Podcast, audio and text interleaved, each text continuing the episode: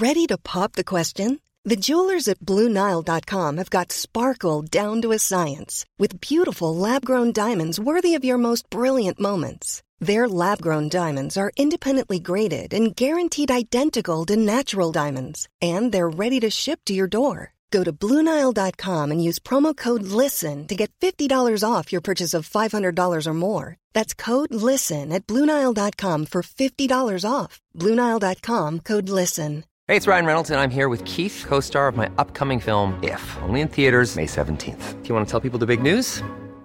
All right, I'll do. Sign up now and you'll get unlimited for $15 a month and six months of Paramount Plus Essential Plan on us. Mintmobile.com slash switch. Upfront payment of $45 equivalent to $15 per month. Unlimited over 40 gigabytes per month. Face lower speeds. Videos at 480p. Active Mint customers by 531.24 get six months of Paramount Plus Essential Plan. Auto renews after six months. Offer ends May 31st, 2024. Separate Paramount Plus registration required. Terms and conditions apply if rated PG.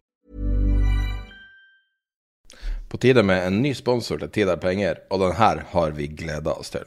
Jeg visste at det var en sjanse for at de kom til å komme, og det har vært en så stor suksess. Hello Fresh er så bra, og jeg kvier meg for alle de her. Det har vært mange forskjellige sånne matleverandører på, med sånne esker. Det har jeg alltid kvia meg for, for jeg har alltid, aldri syntes det var spesielt appellerende. og hørt litt forskjellig, Men Hello Fresh har et veldig godt rykte, og gleder meg til det. Det er 25 retter du velger mellom på hjemmesida, og, og så får du det levert på døra utrolig smidig prosess for levering, nedtelling på hjemmesida til siste minutt før de kommer. Du får det i ei stor eske, også minimalt med emballasje. Alt er merka veldig tydelig, det meste er pakka inn i papir. Du bare legger det i kjøleskapet, og så når du skal bestemme hva du skal spise, så tar du ut de matkortene, og så velger du ut om det er det ene eller det andre, og så bare plukker du ut de, de bokstavene fra kjøleskapet. Kunne ikke vært lettere. Og kvaliteten på råvarene er så utrolig høy. Altså uventa høy, rett og slett. Og resultatet er jeg spiser masse ting jeg ikke hadde tenkt å spise. Jeg spiser sunnere enn jeg hadde tenkt å spise, fordi at jeg kan planlegge litt på lengre sikt. Eh, det er billigere enn det ville ha vært hvis jeg skulle lage mat. Og i det hele tatt, det er enklere å Altså hele greia er enklere. Og så er det det jeg bor alene, jobber hjemmefra. Så for meg er det her helt optimalt. Så den matkassen jeg hadde, er egentlig to porsjoner. Eh, og, så, og, så, deler jeg det opp til to måltider. Eh, og full disclosure så har jeg fått en sånn rabattkode fra, fra Hello Fresh for å teste det. Men jeg kommer til å fortsette med det. Så det er helt uten tvil. Hvis du bestiller, så går du inn på hellofresh.no, og så skriver du inn kodeordet 'penger'. Og da får du da altså rabatt på 30% første uka, 30% andre uka, 20% tredje, 20% fjerde og 20% femte uka. Gratis leveranse i tillegg. Den totale rabatten på de fire første matkassene du får, er da 1369 kroner. Og jeg tror du blir å gjøre som meg, jeg tror du blir å fortsette etter de fem ukene, for det her er en virkelig bra opplevelse. Og det at det presser meg litt inn i et bedre mønster også. Kunne ikke ha vært en bedre sponsor. Så fornøyd. Uh, hellofresh.no. Uh, kodeord penger.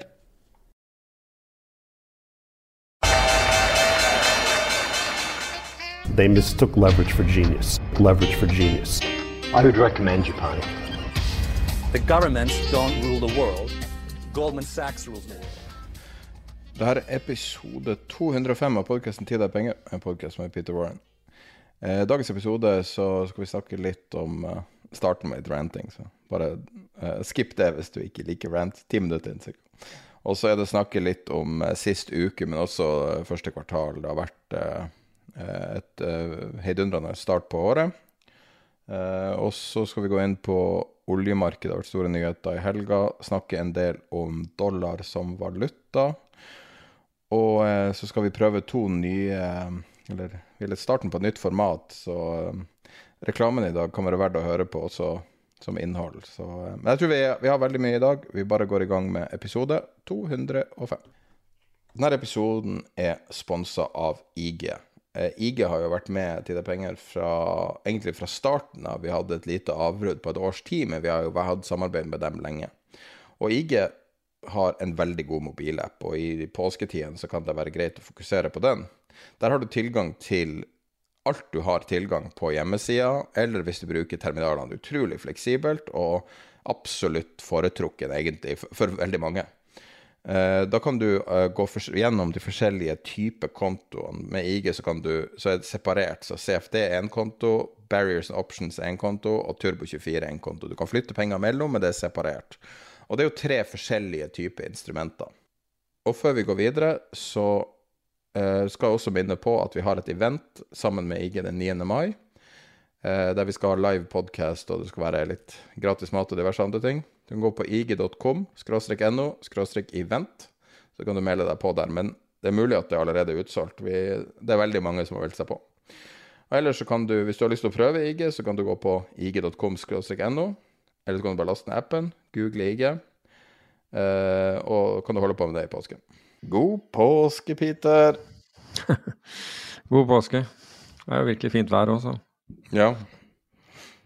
Eh, det var eh, Starta påsken med å kjøre land og strand rundt. og jeg må jo si at det var ganske påfallende hvor mange danske bilskilt jeg så på veien nordover.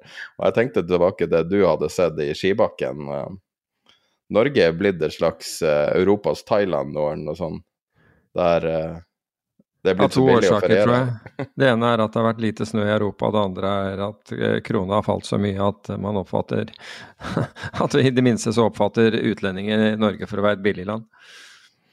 Og det ja. presser jo hotellpriser og alt mulig sånn opp i Norge, bare så det er sagt. Ja, men det blir jo sånn at vi Altså nordmenn blir straffa, mens en håndfull familier som kontrollerer eh, de få eksportsektorene vi har, blir utrolig mye rikere på det. Og så har du eh, Alle nordmenn må eh, importere inflasjon, få svekka kjøpekraft. Altså, og alt det her er for å bevare nominelle norske boligpriser.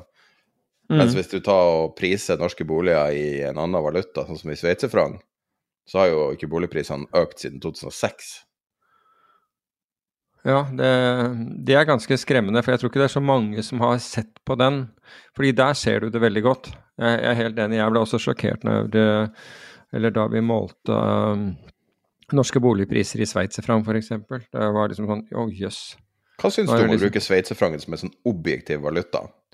Jeg satt og testa forskjellige valutaer på norske boligpriser.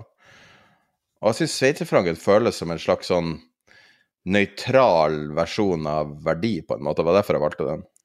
Ja, bortsett fra at liksom den peggen som ble løftet i 2015, da, ikke sant? den har jo i januar 2015, den, den, det er klart at den utgjør mye. I så måte hvor, uh, hvor sveitserfrangen hadde blitt holdt kunstig lav mot, mot uh, euroen.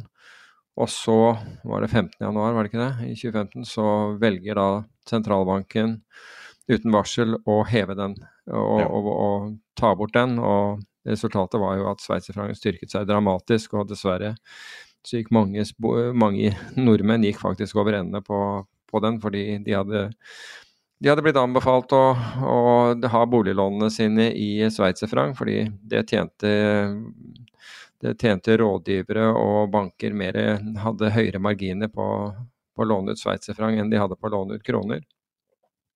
Og resultatet var jo at uh, folk fikk jo nesten doblet uh, lånene sine. Altså, ja, altså det de skyldte over natt, det var jo helt vanvittig. Det var jo helt, det var jo helt forferdelig den gangen, husker jeg. Så Ja, men det er litt sånn urovekkende, fordi at altså, Norges Bank nå sitter jo med en sånn her uh, trippelhodepine, på en måte. Eller for de sitter jo på, på en måte så, det, så har du norske boligeiere som er tungt belånt, og vi leste jo at DNB-ansatte blir drapstrua osv. Av, av uh, kunder, som er selvfølgelig forferdelig, men det illustrerer jo også at, uh, at man er under mye press. sånn at det, det, er jo noe Norges Bank må ta hensyn til, er at det er så mange som eier bolig i Norge med flytende rente. Men så har du på den andre sida så har du jo inflasjon. Vi importerer jo Alt drivstoff f.eks. i Norge er jo importert, så det, det, er jo mye, mye dyrere for hver eh, mm. prosentpoeng eh, krona svekker seg, og så har du 60% av matvarer importeres. Mer eller mindre. Norge produserer jo omtrent ingenting av forbruksvarer, så alt vi kjøper, blir importert. Sånn at vi importerer ganske mye inflasjon bare med svak kronekurs. Og så har du da det her eh, at at man må holde boligprisene oppe, for man kan ikke heve renta for mye fordi at man er så redd for å knuse boligmarkedet, som er også veldig forståelig. Uh, og så har du oljefondet på toppen av det hele, der uh, Norges Bank, uh, sentralbanksjefen, er styreleder i oljefondet. Og oljefondet prises jo i kroner. Sånn at så lenge man svekker krona, så vil jo det tallet være vedvarende stort og økende.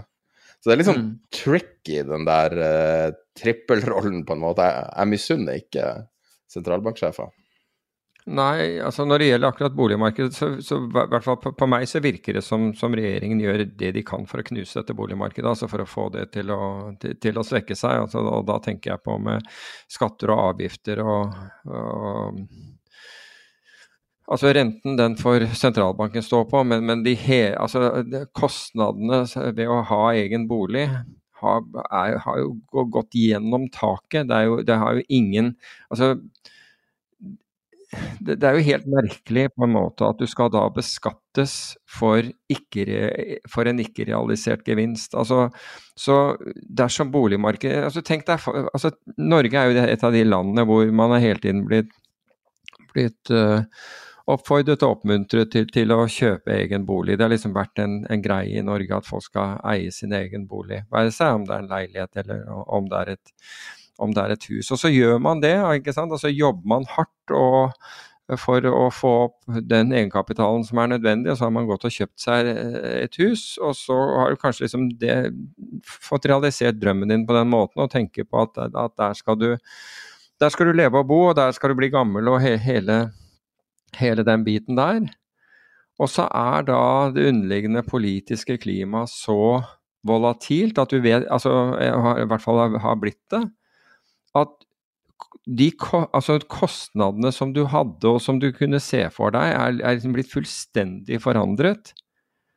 Og du har jo ingen sjanse til å holde, holde tritt med, med, med, dette. Fordi når du, når du, hiver inn eh, eiendomsskatt, og, og, da gjør det på basis av det myndighetene mener eh, altså Hvis du har en, en stigning i boligverdien, så er jo ikke det noe som de som bor i boligen får glede av.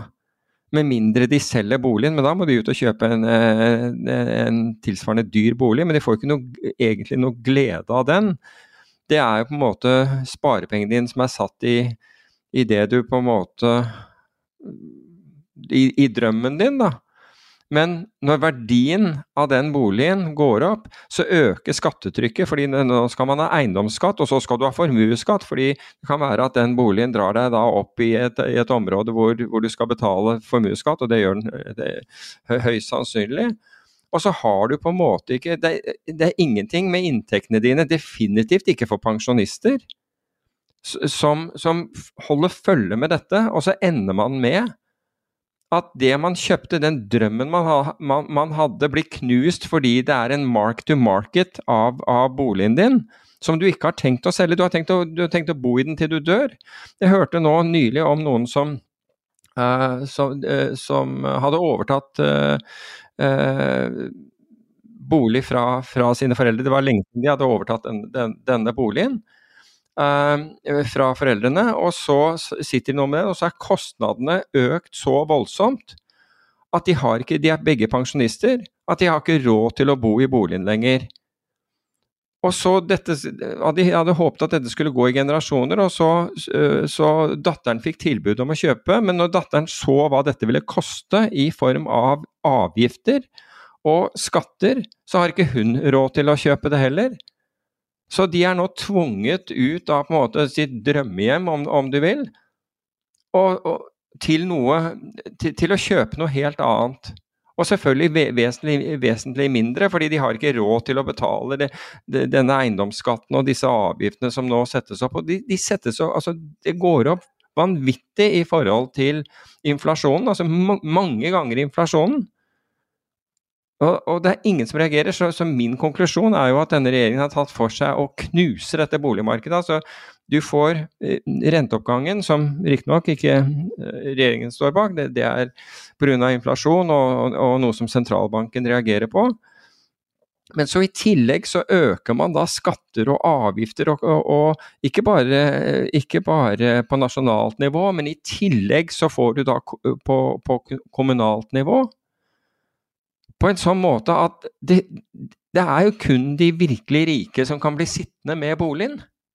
Og det betyr at det blir færre på markedet. På et eller annet, eh, et eller annet tidspunkt så, så, brekker dette her, fordi du har gjort det så vanskelig og så dyrt, at, folk, at, at det er kun et fåtall som har råd til å sitte med, uh, sitte med, med, med boliger. Altså å eie dem, i hvert fall, uh, hvert fall, hvert fall hus.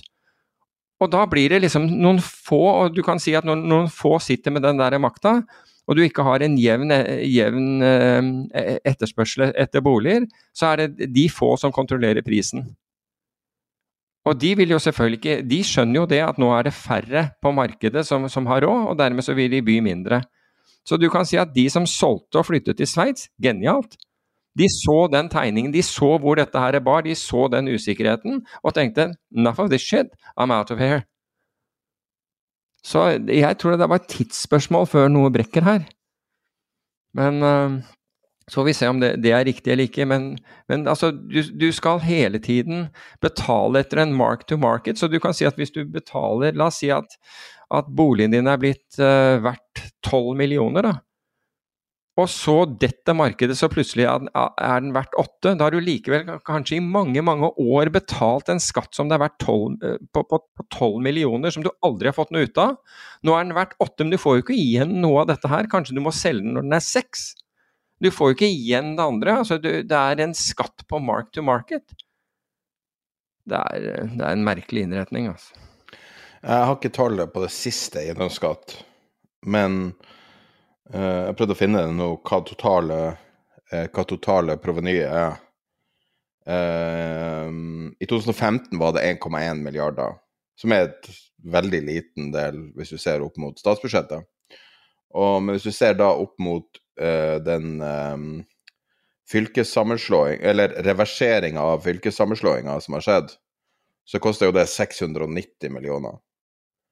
Um, så hvis vi da anslår at å, å gjøre fylkessammenslåinga koster omtrent det samme Så hvis de hadde bare droppa hele det der, enten droppa å reversere det, eller droppa hele greia, så kunne man ha droppa eiendomsskatt et helt år i Norge. Det er et godt poeng. Og altså Jeg har fortsatt til gode å møte et eneste menneske som forstår hva som er poenget med for det første, konseptet fylke, det er jo helt absurd. Det, det tror jeg ikke er så mange som forstår. Men, men også den her fram og tilbake-greia. Altså, med unntak av de få personene som jobber i fylket og jobber i en eller annen del av kommuneadministrasjonen, og sånn, så vet jeg ikke hvem andre det berører. Eh, annet enn at man liker den ene eller andre veien og bruker liksom nesten en milliard kroner på symbolikk når, eh, som du snakker om eiendomsskatt, er nesten like mye.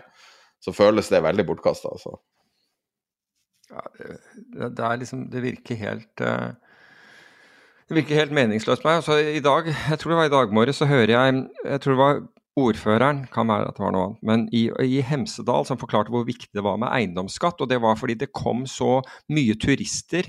Det var, det var så stor turiststrøm til, eh, til, eh, til Hemsedal at, at de måtte ha eiendomsskatt for, for, for, for at dette skulle gå, gå rundt. Altså, Implisitt så sier han at all den turisttrafikken som kommer, alle de som står på ski, de legger ikke igjen penger. Det går ikke med overskudd av, de penger, av alle de nye inntektene eh, de får.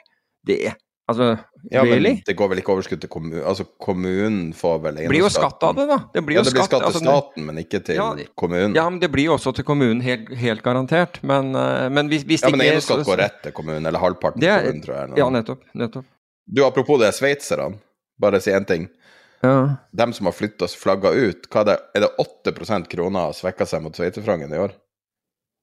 Ja, det kan godt hende. Jeg har ikke sett på det. Ja. Så altså, det er snakk om å få eh, en liten eh, Hva det heter, sånn liten cherry on top. Ja, ja. Når du flagger ut og unngår skatten. Og hvis du da flagger ut pengene og flytter dem inn i UBS eller et eller annet, så får du faen meg 8 avkastning på pengene. Ja, Bare på å ikke ha det i norske. Ja, det ja. Det er deilig å være, det er deilig å være norsk i, i, i Sveits, det er iallfall helt sikkert. Men uh, Jeg skjønner ikke. Også, han der ordføreren dro jo selvfølgelig Vedum-kortet. Det der at liksom av sykehus og ingenting kunne fungere hvis, det, hvis, man, man, hadde Hvis man ikke dro inn disse skattene. Da var det liksom, da var det kroken på døra. I, altså, hvor mange ganger har Vedum dratt det? At liksom, du må omtrent legge ned sykehus, og du må legge ned politiet. Det vil ikke være en barnehageplass å oppdrive hvis han ikke får inn Hvis, hvis uh, han ikke får kjøre opp avgiftene og, og skattene. Hva med alt Altså, og det er helt se bort fra de enorme inntektene som landet har hatt som, uh, som følge av de, de, uh, de, høye energiprisene.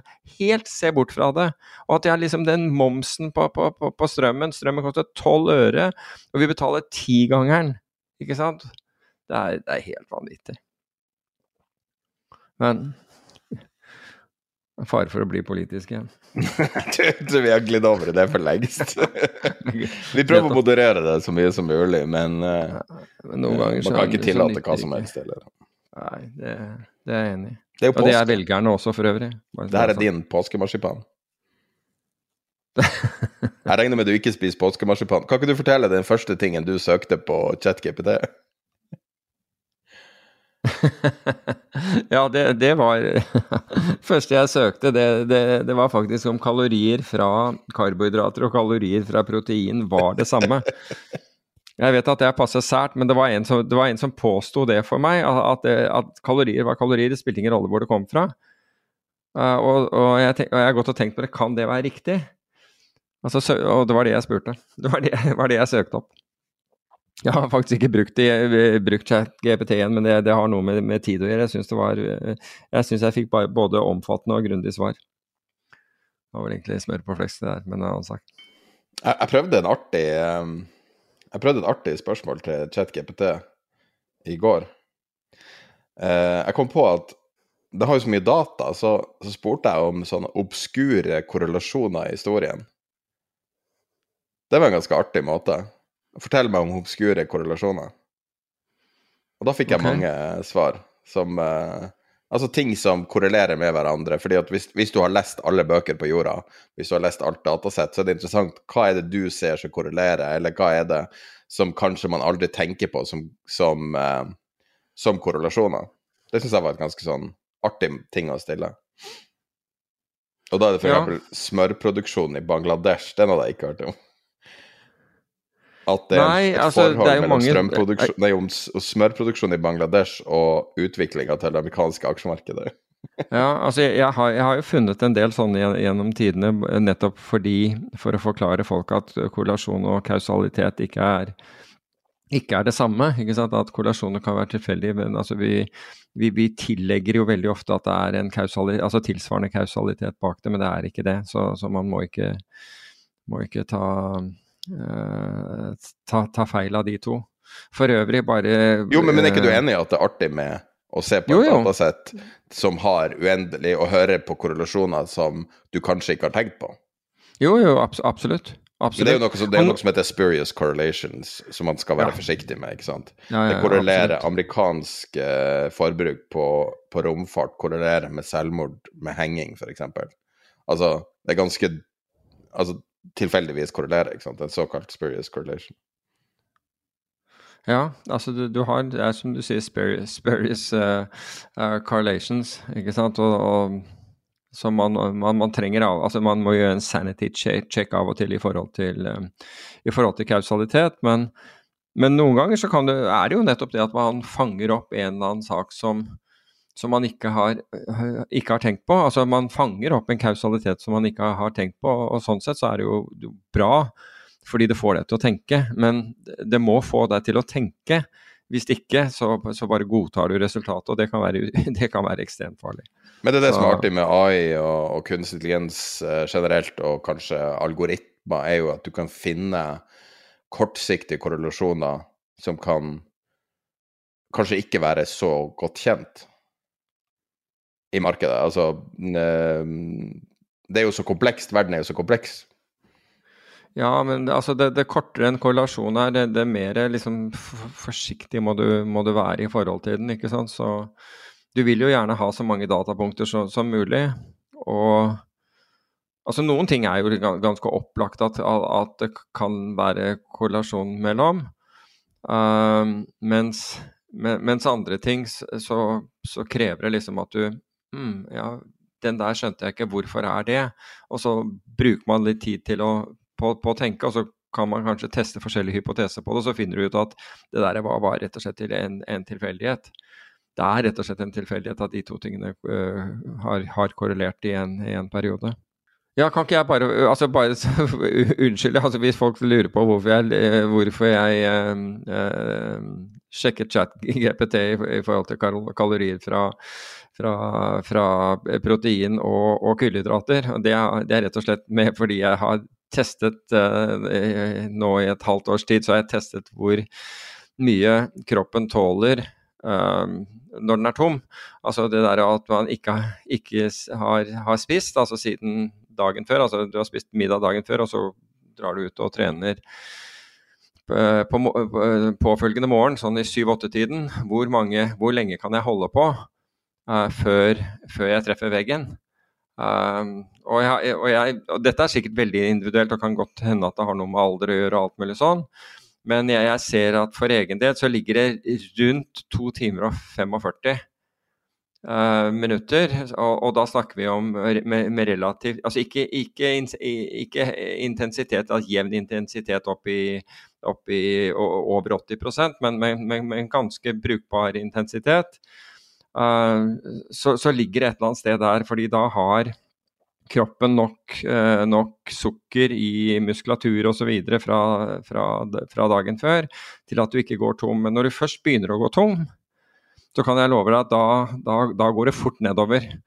Uh, jeg har hatt noen skiturer hvor uh, jeg plutselig har havnet ut i i terreng hvor det ikke går løyper lenger, og så må du liksom trampe deg gjennom. og så, så er, Jeg tror et av de øktene ble på var det 4.20 eller, ja, eller noe sånt, 4 timer og 20 eller 4 timer og 30 eller et eller annet sånt. og da må jeg si at jeg hadde, hadde det veldig, da hadde jeg, da hadde jeg det veldig vondt mot, mot, mot, slutten. Men det er ikke verre, bare så det er sagt. Jeg har en sånn der pose med, med sånn eh, nødgel i, i, lomma som jeg ikke har brukt, men som er der i tilfelle det blir helt svart. Men jeg må innrømme at det blir ganske svart, og, og psyken din går, går i, i, voldsomme bølger når, uh, når, du begynner å bikke over, over, over tre timer. Da er, da er, det ganske ubehagelig. Men det er, det er interessant å, å, prøve å finne de tegnene på at du er i ferd med å gå tom.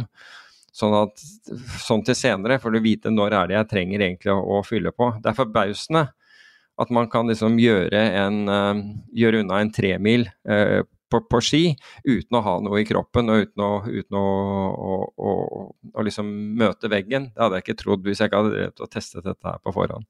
Så det er litt med, med det. Det er, det er sært. Nå skal vi gå inn til et sponsa intervju med Instabank. Da har vi eh, eh CEO, som er Robert Berg. Og så har vi Christian Haug fra Instabank i tillegg. Og der vi kan snakke litt med dem. Vi har et produkt som heter Med deres egne ord der vi kan snakke med selskaper på Oslo Børs for å lære mer om dem fra deres eget perspektiv. Her er Instabank. Da er det Per Kristian Haug og Robert Berg fra Instabank som skal fortelle oss litt om, uh, om dere.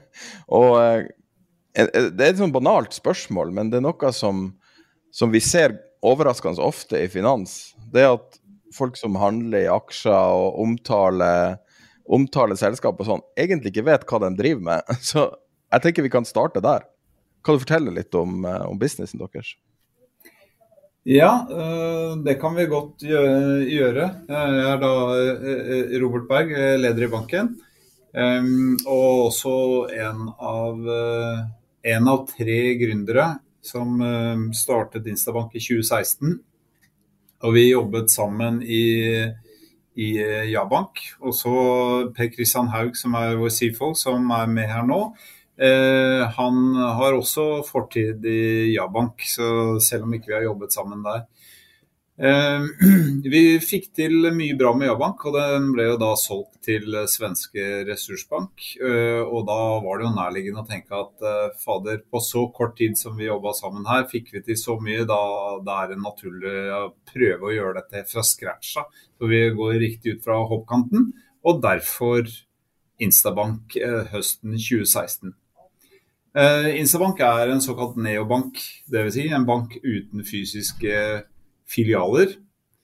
Eh, vi, har, eh, vi er representert eh, med både innlån og utlån i tre land. Det er Norge, Finland og Sverige.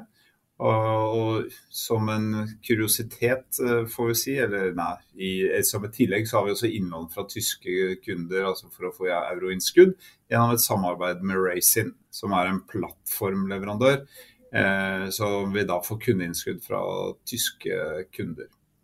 Eh, vi er 42 heltidsansatte, eh, og alle sitter på Skøyen. Vi har altså ingen folk på bakken bakken i, i noe annet sted enn i lokalene våre her på Skøyen. Eh, det er litt sånn om eh, bakgrunnen vår, eh, i hvert fall.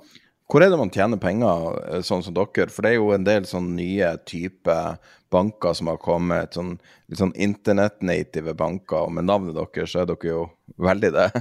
Eh, mm. Men det er litt sånn forskjellige forretningsmodeller. Hvor er det dere tjener pengene deres? Vi, vi, tjener penger på, på rentenettoen mellom uh, utlån og, og, innskudd, som vi hele tiden uh, jobber med å optimalisere.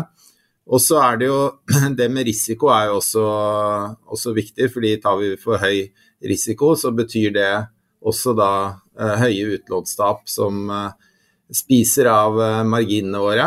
Så ikke sant? Det er jo, det er jo rentenettoen, og da gjelder det å skalere, skalere utlån.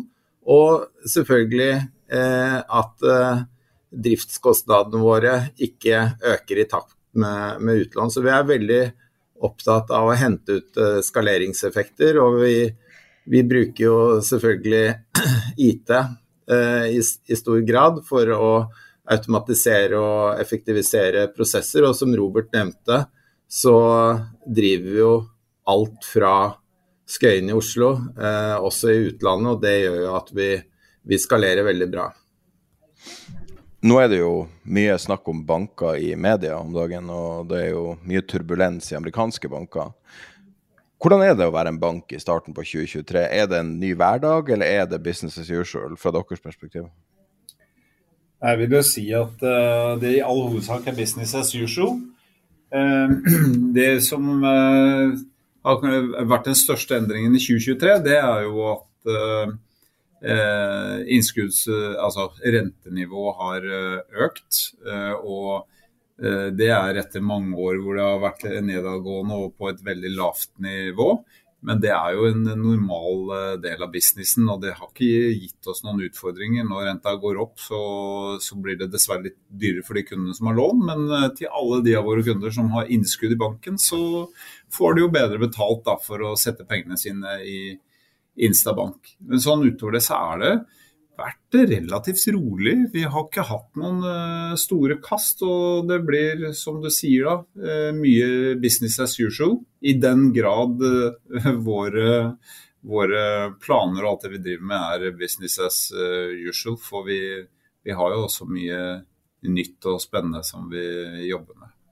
Det har jo vært litt sånn det siste året at ting som man tidligere kanskje syntes var utrolig kjedelig og og uinteressant som strømpriser og innskuddsrente, har blitt utrolig interessant. og eh, vi har jo tidligere snakka om bedriftsinnskuddsrente med andre vi har samarbeida med. Men jeg ser at dere virker å prise dere sånn at dere jakter innskudd. Er det riktig å tro? Ja, det er, det er riktig det. Vi, vi, har jo bra utlånsvekst, og da er vi nødt til å ha en konkurransedyktig innskuddsrente for å også kunne øke innskudd, så vi har noe penger å, å låne ut. Så innskuddsmarkedet følger vi jo veldig tett og gjør nødvendige eh, justeringer når det er behov for det. Er det store endringer der? For Man leser jo så mye om det, men det er så spennende å høre med dem som ser ting fra innsida. da. Ja, altså eh, For et år siden så var vi i nærheten av eh, nullrente på innskudd for de banker som konkurrerer om, om innskudd. og vi har jo siden den gang, og særlig fra sommeren i fjor, opplevd at eh, innskudd, eh, innskuddsrentene har, har, økt kontinuerlig. Særlig i fjor høst, og så var det litt rolig på, på begynnelsen av, av, dette året. Og så ser vi kanskje nå at det nå begynner å trekke litt, litt opp igjen. Men det er jo fortsatt en veldig billig og attraktiv finansieringskilde for oss. Hvordan er det fra sånn topplinje, bunnlinje-relatert? Hvordan står det til med dere? Hvordan går utviklinga? Utviklinga har gått uh, bra. Vi har, jo, vi har jo hatt uh, positivt resultat i alle kvartaler siden vi startet, med unntak av de to uh, oppstartskvartalene, dvs. Si Q4 2016 og Q1 2017. Og Det er noe vi er veldig stolte av og, og opptatt av. Eh, Eller så går jo kvartalene sånn eh, litt opp og ned, men den eh, trenden har hele tiden vært eh, økende. Og der vi er nå, så leverte vi jo et uh, godt kvartal i, i, Q4. Og et for så vidt godt år i 2023, var, nei 2022. Det var litt forstyrret av et oppkjøpsforsøk som gjorde at vi Uh, brukte litt mer penger enn det vi hadde tenkt, og det påvirket oss litt. Men uh, inn i 2023 nå så ser vi at vi har god vekst uh, både på utlån og, og, når vi har god vekst på utlån og vi tar riktig risiko, som Per Kristian var inne på, så, og vi følger med på å justere både innskudd og utlånsrenter, så betyr det økende inntekter og en god resultatutvikling. Kan du legge til at i, i fjor, i 2022, så hadde vi et resultat før skatt på over 80 millioner, så tilsvarer da ca. 2 millioner per, per, ansatt. Og Det har vært en, en, stabil utvikling. De eneste kvartalene vi ikke har tjent penger, er vel de to første kvartalene i bankens historie. Etter det så har det jo vært uh, stigende overskudd. Mm. Vi har hørt snakk om at uh, det har vært en sånn endring. Uh, tidligere så har det jo vært i hvert fall et tiår med mye forbrukslån og, og, mye sånn. Og så har vi hørt at det er en endring over til at folk refinansierer med sikkerhet. Er det en trend dere ser? Ja, det, det er absolutt en trend, og den har nok vært i noen år. Så har den skutt fart etter at det skjedde Altså vi fikk disse nye endringene da, for, eh, på regulatorisk side som begrenset veksten innen usikrede kreditter. Eh, vi, eh, vi, sier jo ofte at en av våre største styrker det er endringskompetanse. Eh, og det er jo evnen til å fange, fange opp de endringene som skjer i markedet, både på regulatorisk side og markedsside, og så lager vi nye produkter. Så Vi lanserte jo da boliglån i 2020 og har hatt en veldig god vekst på det. Så nå er jo over 60% av våre utlån i Norge er jo nå boliglån, og ikke ikke eh, disse forbrukslånene. Og Det ser vi jo at eh, flere aktører har gjort det, spesielt de svenske aktørene er jo veldig store, Nordax, Brustep osv. på dette markedet. Eh, og nå ser vi at den suksessen vi har hatt med det, det kan vi ta med oss videre til andre land som ligner på Norge. F.eks. Finland, som også har eh, en kultur og tradisjon for å eie boligene sine. Så, så, det tror vi er noe som fortsetter. Hvordan er det å drive bank når ting snur?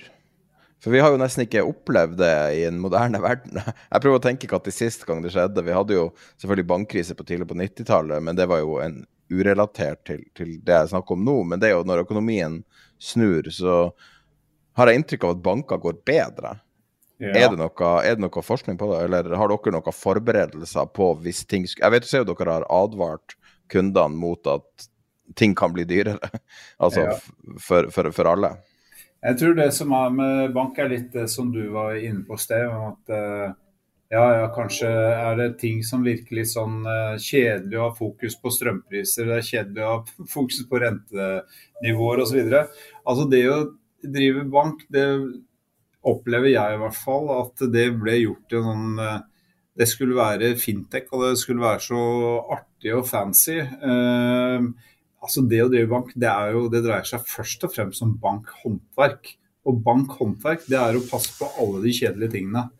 Og hvis du passer på alle de kjedelige tingene, og klarer å kombinere det med å ha eh, innslag av fintech, da gjør du god business eh, over tid og får en eh, bra utvikling. Så i en tid som det vi er i nå, så tror jeg man ser at uh, de som var veldig fintech-orienterte og bare skulle på en måte laste inn eh, kapital fra investorene og vokse inn i skyene med å tilby fine eh, hva skal jeg si, kundeflater levert ut til kunder, fine apper osv., de glemte bankhåndverket. Og veldig mange av de ser vi nå sliter big time. Eh, og en god del av de som startet samtidig med oss, rundt sånn 2015-16-17, av de norske aktørene, de er jo borte allerede. Wow. Så jeg tror når du bruker sånn eh, begrep som kjedelig og sånn, kombinert med bankhåndverk, så er det egentlig å peke midt inn i det som er kjernen i det å drive bank. Altså, i bank er jo kjedelig et, et kompliment. ja, det kan du godt si. Nei, men det er, det er, jo samtidig det er jo, um, Dette setter jo rammebetingelsene, det Robert uh, nevner. Og så er det jo utrolig gøy å være så kan du si, koblet til uh, det finansielle systemet og hvordan um, uh, markedet endrer seg. Um, det du nevnte med sant, endring i, i, rente, inflasjon og, og all sånne ting. Alt dette påvirker oss. og vi synes jo det er kjempegøy å analysere endringene rundt oss, eh, se hvordan det, det treffer oss og, og, gjøre nødvendige endringer. Og Da er det veldig fint å være en liten, effektiv, kompetent bank som har evne til å eh, gjøre nødvendige endringer raskt. Men tusen takk for dere satt dere ned og snakka med oss. Bare hyggelig. Bare hyggelig. Takk skal du ha. Fint det. Yes, skal vi gå over til uh, første kvartal? Jepp. Kan vi innlede litt med, når du snakker om korrelasjoner? Ja. eller vi, vi, tok det opp, så kan vi se på én korrelasjon som er, har vært ganske tydelig de siste årene, og, og, det så vi igjen i første kvartal.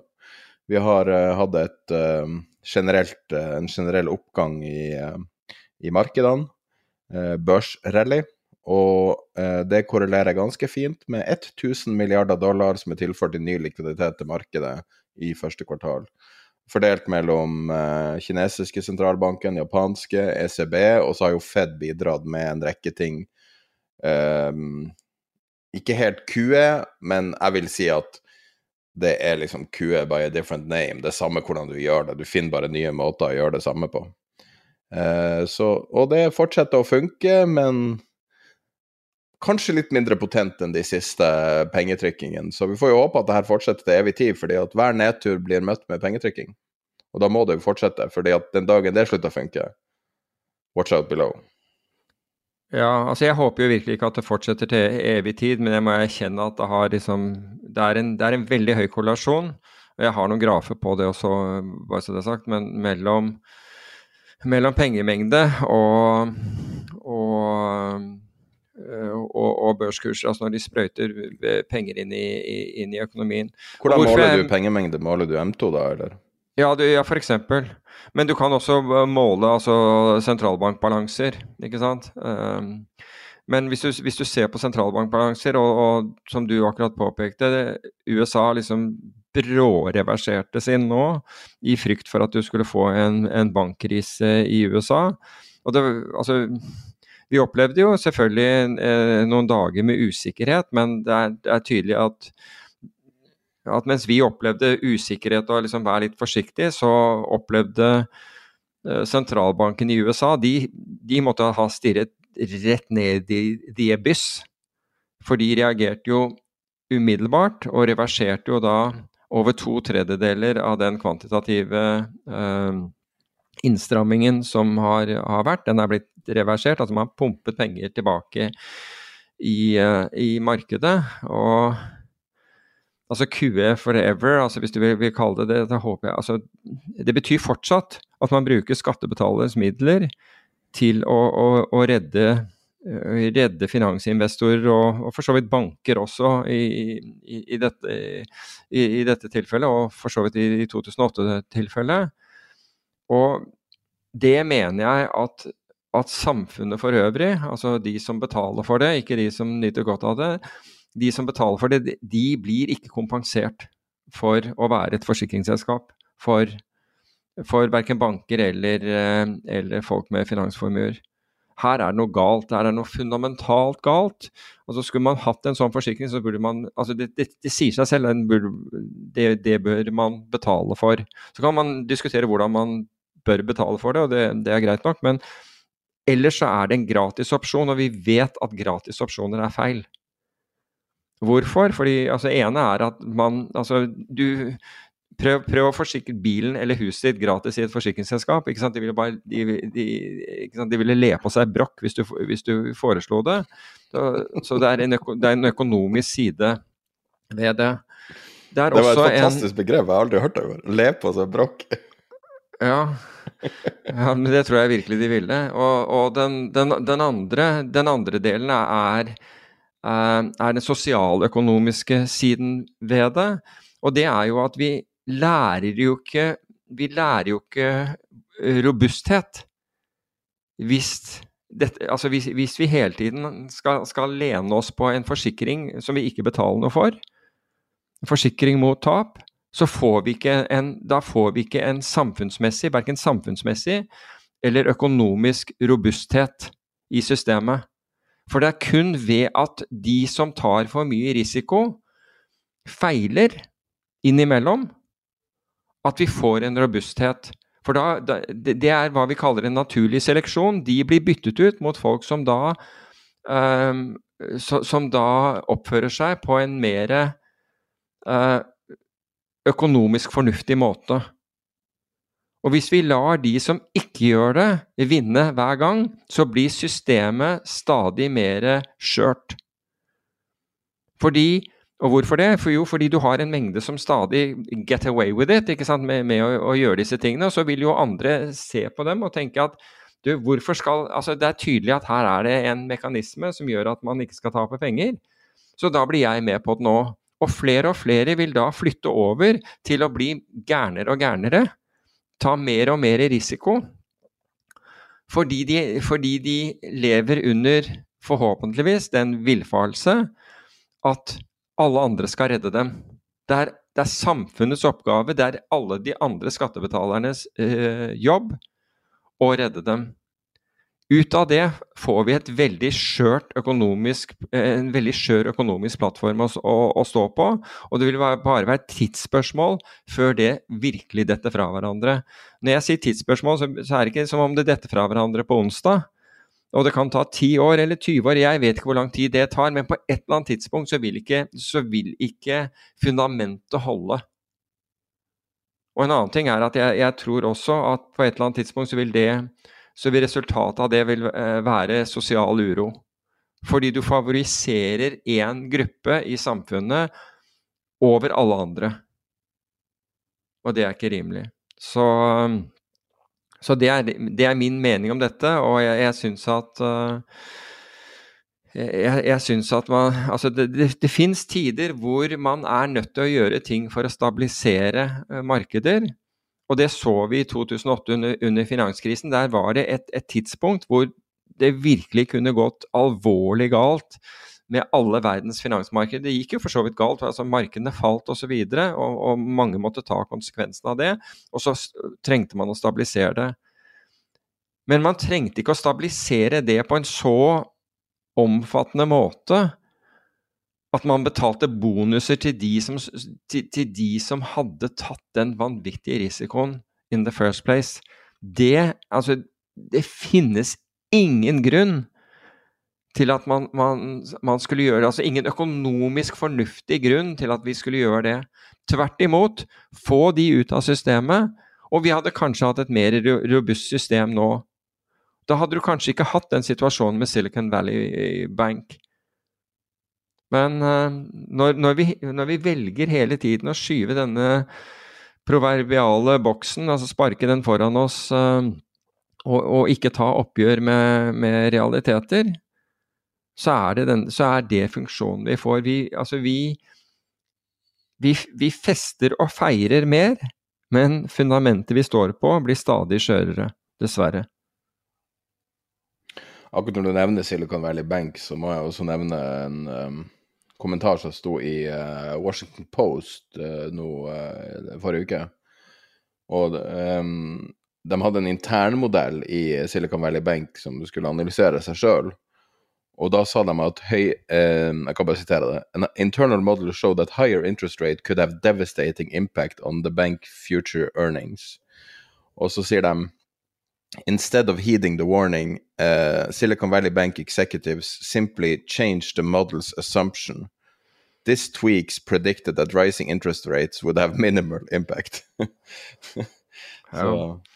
Altså, det, det, minner om Det var uh, for øvrig en Jeg, jeg husker ikke uh, uh, hvem, hvem, dette her var, og beklager det, fordi jeg pleier å kreditere der, der vi, vi, kan. Men det var noen på, på, på en av våre Discord-kanaler puttet da en, en video uh, som du faktisk måtte til YouTube for, for, å se, men den var fra Billions, hvor, hvor uh, han Bobby Axelrod, som er da hovedpersonen, forklarer for assistenten sin, eller han Wags, uh, hvordan banker virker, altså hvordan det finansielle systemet virker.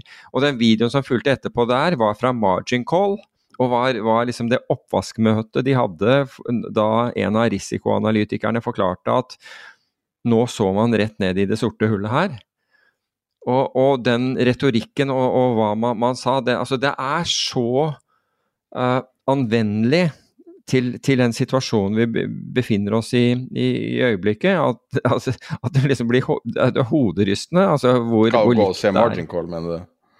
Ja, fordi altså, den første er da Bobby Axelrod som, som, som snakker om, om, om, hvordan banker opererer. Um, og hvilken fordel det er av hver heller bank enn en noe annet. Og den andre er da fra margin call, og det er det derre møtet hvor uh, som han kaller inn til møte, jeg tror det er klokka tre om natten, så kaller han inn styret til møte, eller, og, og, der sitter bl.a. Eh, avdelingsledere og, og han analytikeren som har da funnet at de har en, de har en svært risikabel posisjon. Uh, og han blir bedt om å forklare det. Timothy Iron, som er da styreformannen, og han og han sier da til han her analytikeren liksom forklar dette her i, i et språk som en tolvåring uh, kan forstå. Jeg tror han bruker det der han sa, fordi jeg kan love deg, jeg, jeg, har, ikke fått, jeg har ikke fått denne jobben her fordi jeg, jeg er smart. Uh, I can assure you it wasn't brains that got me here. Ja, nettopp. No, ja, riktig. Uh, og, og er, det er fascinerende. altså Jeg tenker hvordan det, det er utrolig bra det er utrolig bra, for det er akkurat det, det som skjer.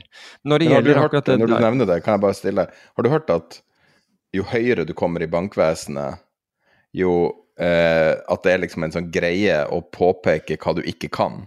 Og det er det de prøvde på en måte å vise med den scenen. Det var at jo, jo lengre opp i rangstigen du var, jo mer på en måte snakka du om alt du ikke kunne, og ikke prøve å forklare, deg, forklare meg til å anta at jeg er en idiot, osv. Ja, jeg har, tenkt, jeg har, ikke tenkt på det sånn, men, men, du kan si at etter Jeg tror det var øh, Om det var et, Jeg tror det var forbi, rett etter Asiakrisen. Og jeg, jeg, har nevnt dette her eh, tidligere, så var det enten UBS eller Swiss Bank Corporation som rydda ordentlig opp i ledelsen sin og promoterte da eh, folk fra, eh, fra bl.a. opsjonsdeskene sine til, til, eh, til ledergruppene i banken. Fordi de forsto at egentlig alt hadde med det å forstå risiko, forstå asymmetrisk eh, eh, risiko, og forstå egentlig at en bank utsteder opsjoner. Det er akkurat det den gjør hver gang. En, altså et lån er en, en opsjon som banken utsteder. Den kan få tilbake pengene, og den kan få tilbake renter, men den får ikke noe mer. og Det, det vil si at oppsiden er cappet, men nedsiden er jo at, uh, at uh, kundene uh, en, en, eller flere kunder går, går, konkurs. Så at det er opsjoner man, man faktisk driver med. Yes, men hvis vi hvis vi går til uh, kjapt gjennom, gjennom, forrige uke, så, som var ganske grønn, i hvert fall på, på, på mye av det vi uh, følger med. Og så kan vi ta og kikke på første kvartal, så, som nå er over. Men i hvert fall i, i, i, forrige uke så var det Galaxy som dro igjen. Altså uh, denne dette kryptofinansforetaket som, som Mike Novogratz står bak, som var opp 26. Det som ikke var så bra, var at uh, norske eller nordiske elektrisitetsfutures, eller forwards, er opp 22 Det, det uh, passer oss mindre bra, tror jeg. Uh, Britisk naturgass var opp 13% og brentolje steg 7% Nå skal vi komme tilbake igjen til å snakke om selvfølgelig olje, men det, vi snakket om olje i forrige i, i, uh, i forrige podkast, altså for en, for en, uke siden. Og etter det så, så, så steg den da i, i forrige uke uh, brentolje 7 og så skjedde det jo ting i, i Viken som vi skal komme tilbake igjen, som, som har økt ytterligere. Men det som var ned i forrige uke, det var, det var, den ETF-en for, for, amerikanske statsobligasjoner som falt av den TLT, som falt av 2% Så renten steg i, i, forrige uke. Og det står litt i sånn grov kontrast til, eh, til, til mye av det andre som, eh, som, som, skjedde denne gangen. fordi det er, det er ikke veldig ofte du, du, ser ting som Nasdaq går opp, og renten går opp sam, samtidig. Men hvis vi ser til Q1, så, så skjedde det jo eh, litt av hvert der. Blant annet så denne bitcoin-trusten, Grayscale, som vi har snakket om, den var opp 96% fortsatt med en betydelig rabatt i forhold til uh, bitcoinene som, uh, som, de sitter på. Um, bitcoin selv var opp 76% i første kvartal, og var det én ting som var dømt nord og ned ved inngangen til året, så, så måtte det vært krypto.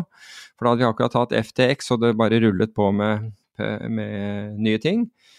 Tesla var opp 58% ARK var opp 23% Nasdaq, som vi nettopp snakket om, eh, var opp, eh, var opp 21% Og så ser du lenger ned, altså så har du gull opp 8% MSCI, altså verdensindeksen for aksjer, var opp 7 eh, Oslo Børs pluss minus null.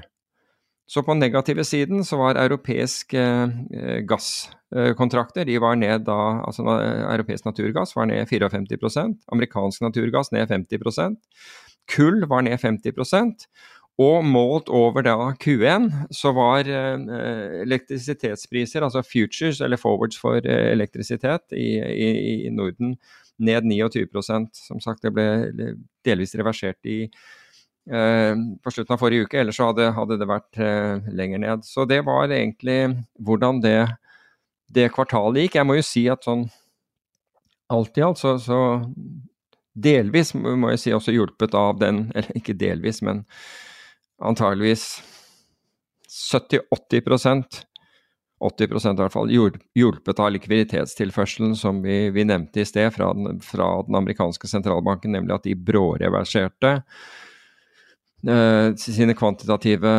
innstramninger til å skyve penger ut i systemet i frykt for at, uh, at uh, man skulle få en bankkollaps som følge av Silicon Valley Bank, eller ikke som følge av, men at den var den første, og at, ville nå, at det ville renne på med, med, med, flere etterpå. Det var jo flere banker som fikk, fikk problemer. Um, men de ville da demme opp, og da tilførte de masse likviditet, slik at banker som hadde lånt, uh, lånt til høy rente og plassert til lav rente, um, altså lånt uh, kort, korte penger inn, må, måtte låne til veldig høy rente uh, for å finansiere sine sine eh, langsiktige utlån som var da skjedd til, til, mye lavere rente. For at ikke de skulle få problemer, så iverksatte man en hel haug av tiltak. Så det var det som skjedde med, uh, med, med, den biten der. Det var jo også en annen effekt uh, med all den pengeinnsprøytninga og den lettinga av krisestemninga. Det er jo at det er mulig å gjøre en del corporate business nå som Vi hørte jo mye snakk om at Eh, fra litt sånn anekdotisk fra eh, markedet at eh, å hente penger, utstede aksjer, emisjoner, alt mulig har vært veldig vanskelig. Og bare nå på, på morgenen i dag, på, altså når mange er på påskeferie, så ser jeg at en rekke norske meglerhus skryter av en del dealer de har gjort nå helt nylig. Så tydelig er det mulig å hente, det er mulig å utstede nye lån, det er mulig å selge aksjer. Det er ikke fastlåst corporate-marked akkurat nå. Nei, det er ikke fastlåst, men det er veldig trangt nåløye der. Det er helt opplagt et veldig veldig trangt, trangt nåløye. Og, og, i USA Jeg hørte på en uh, telefonkonferanse på ons torsdag som var, og der sa de at det markedet var tørt. Altså det, altså det, var beskrivelsen de ga der, og jeg vet at dette her også ble hentet inn i, i i, USA, men de anså markedet som tørt. Så det er eh, at enkelte dealer slipper igjennom, det som, som vil alltid være. Men markedet ellers har vært helt, helt tørt. Så Jeg er enig, jeg har hørt det samme, men det er bare artig å se. altså Én ting er når du ser analyser, en annen er å se eh, annonseringer av dealer.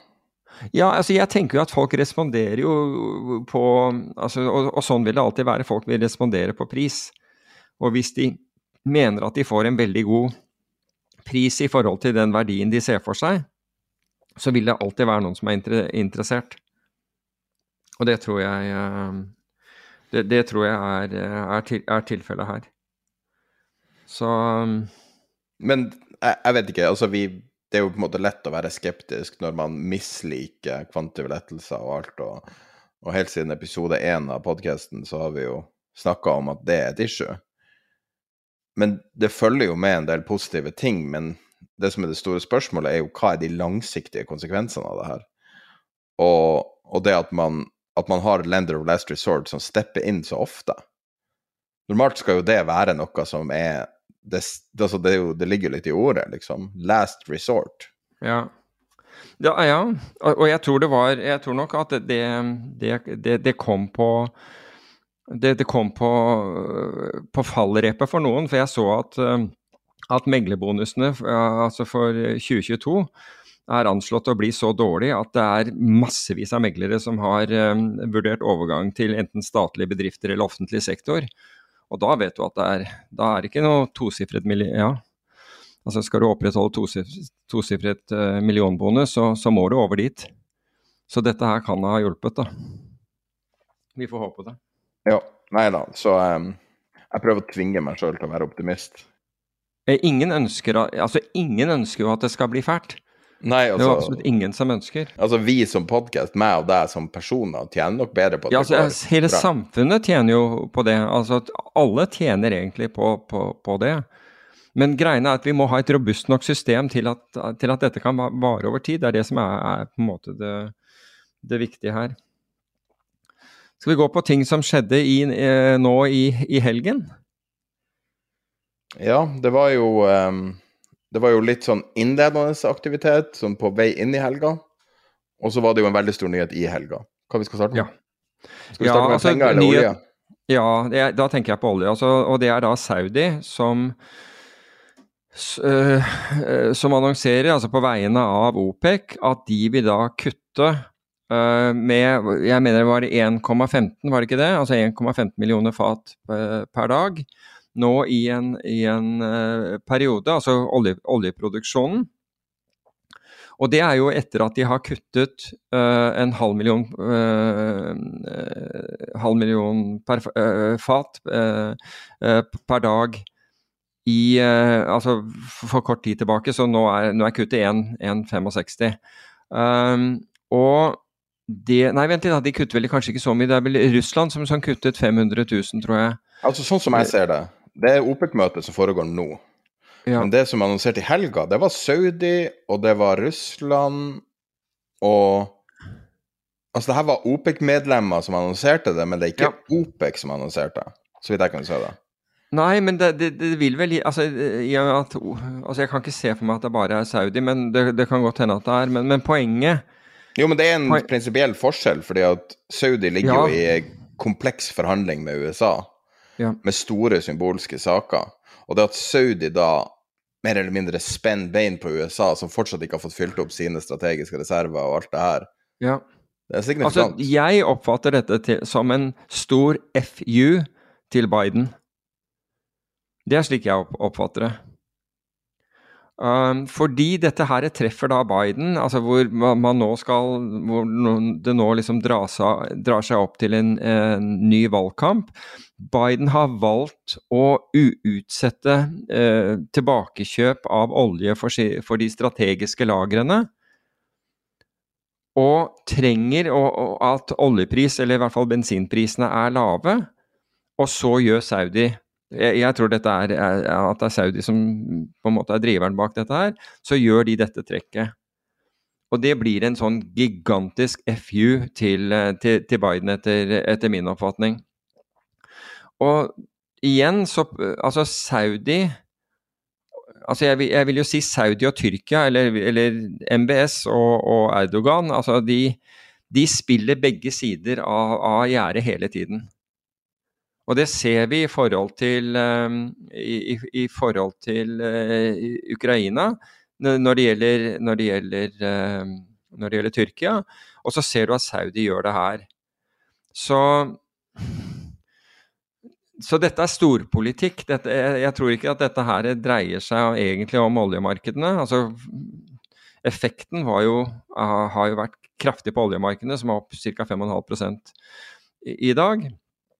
Men, men dette, dette er, er, først og fremst, etter min oppfatning, storpolitikk. Så um, Saudi har jo lekt med, med landene uh, i øst, uh, herunder Kina, tilbake til uh, Ja, hva da? Altså, du må jo tilbake i, i, i snart 20 år. Så så, så, du kan si å, ha liksom drevet en, en og, og, spilt på, på, på, to hester.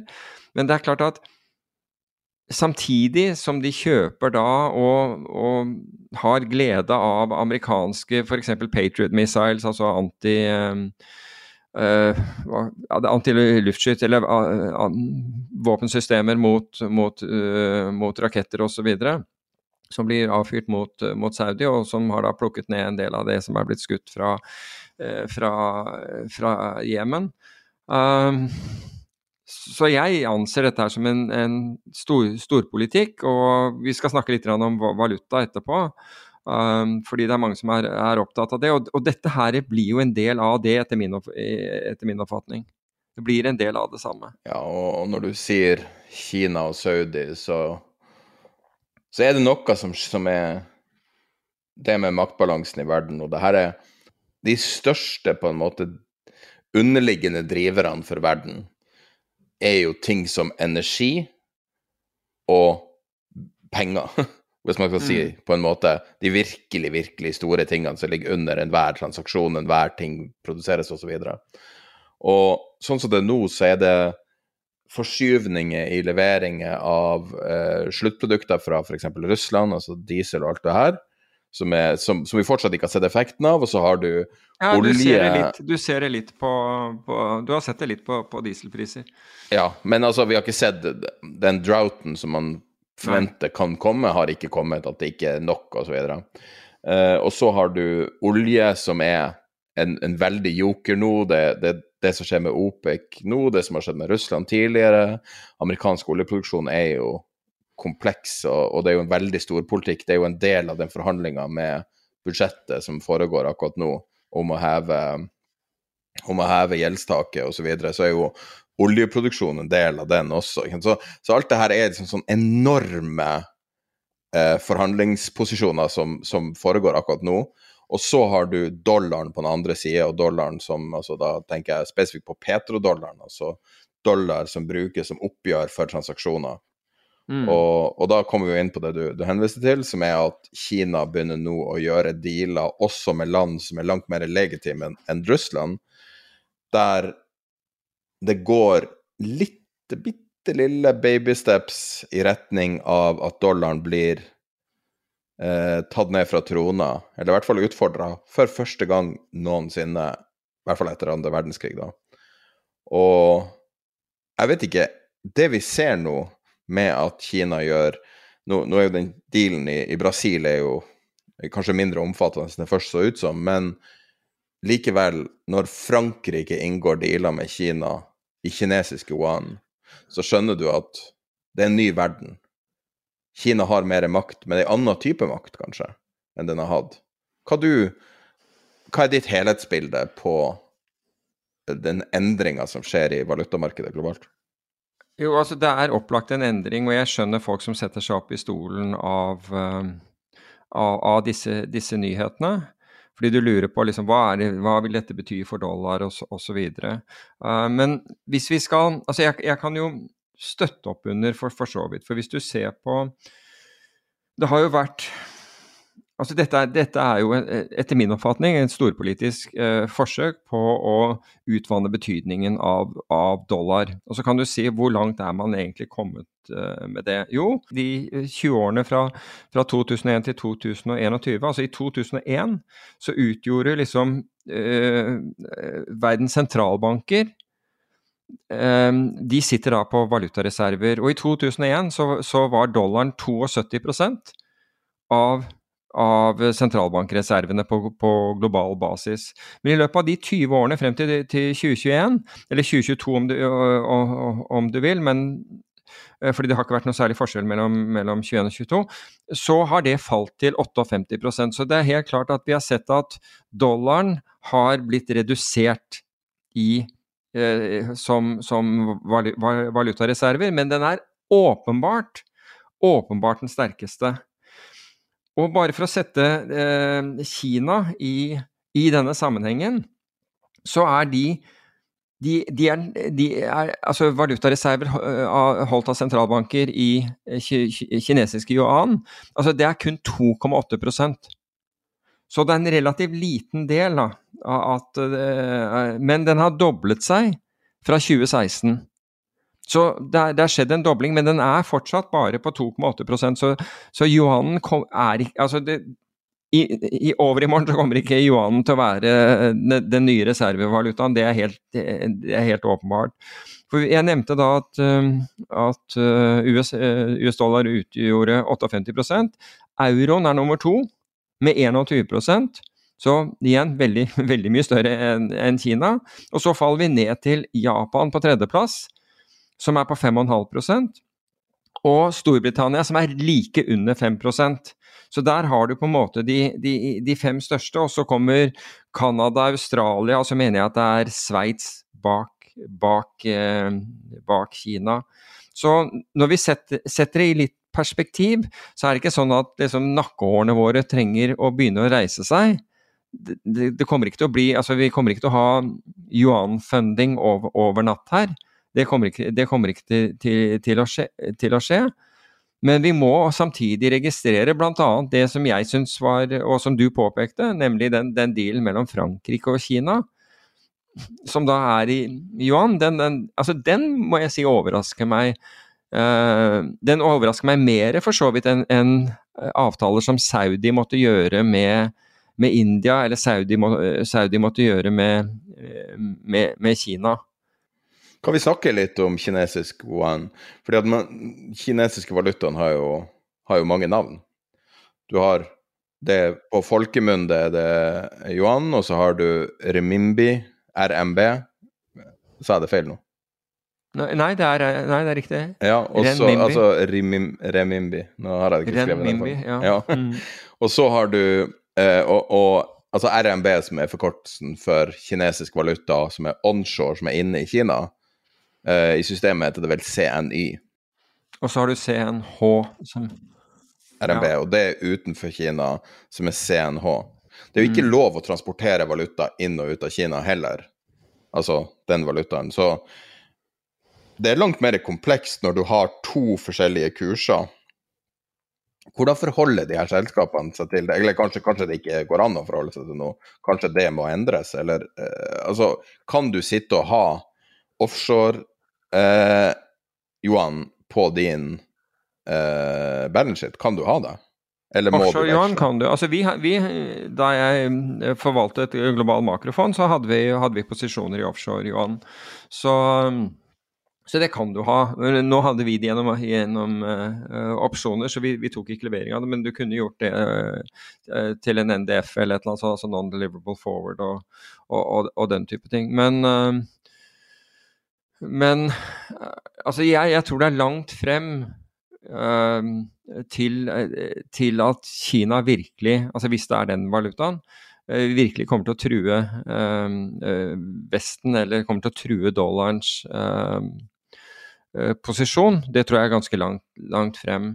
Men samtidig så er det grenser for hvor, hvor mye USA kan, kan Uh, ha, ha, et anstrengt, ha anstrengt forhold til Kina. Da. Det må på en måte på et eller annet punkt normaliseres litt her. Så altså Trump dro jo dette her opp til eh, dro jo opp temperaturen der eh, betraktelig. Og så har ikke Biden egentlig gjort noe for å få redusert den. Anti-Kina-politikk er vel kanskje den eneste saken i USA som er tverrpolitisk populær? Ja, når du sier det. Ja, når du sier det. Nå er det jo overhengende sannsynlig at TikTok blir kasta ut av en rekke land. Spesielt i USA. Ja. Det er jo nesten en konklusjon. Men mange, mange, kinesiske selskaper har jo gjort sitt for å, å skjule sin, sitt opphav da, med, eh, når det gjelder å tilby også altså elektroniske ting i eh, altså web, webting web i, i, USA. Og det, de går ofte gjennom de, de, danner et selskap i Singapore, som igjen danner et selskap i Canada, og så liksom kommer de inn til USA. og så, så Når du da trekker dette, her, så kommer du til Canada. og så Hvis du virkelig går, går hardt til verks, så, så, finner du ut et annet selskap i, i, Singapore. og Det er først når du går på det igjen, at du ser at det er kinesere bak. Så kineserne gjør jo sitt for å, for å gjøre dette her så komplekst som mulig. da. Nå skal det jo sies at Canada er jo optimalisert for å gjøre nettopp det der. Ja, Canada har jo kan... egne selskapsstrukturer som er konstruert for å skjule hvem som står bak dem. Ikke så mange som vet. Mm. En av de mest robuste skatteparadisene som er. Ja. Så um, ja. Og det er veldig mye kinesisk connection. Det er jo, Husker du hun eh, dattera til han Huawei-sjefen? Hun var jo i Canada.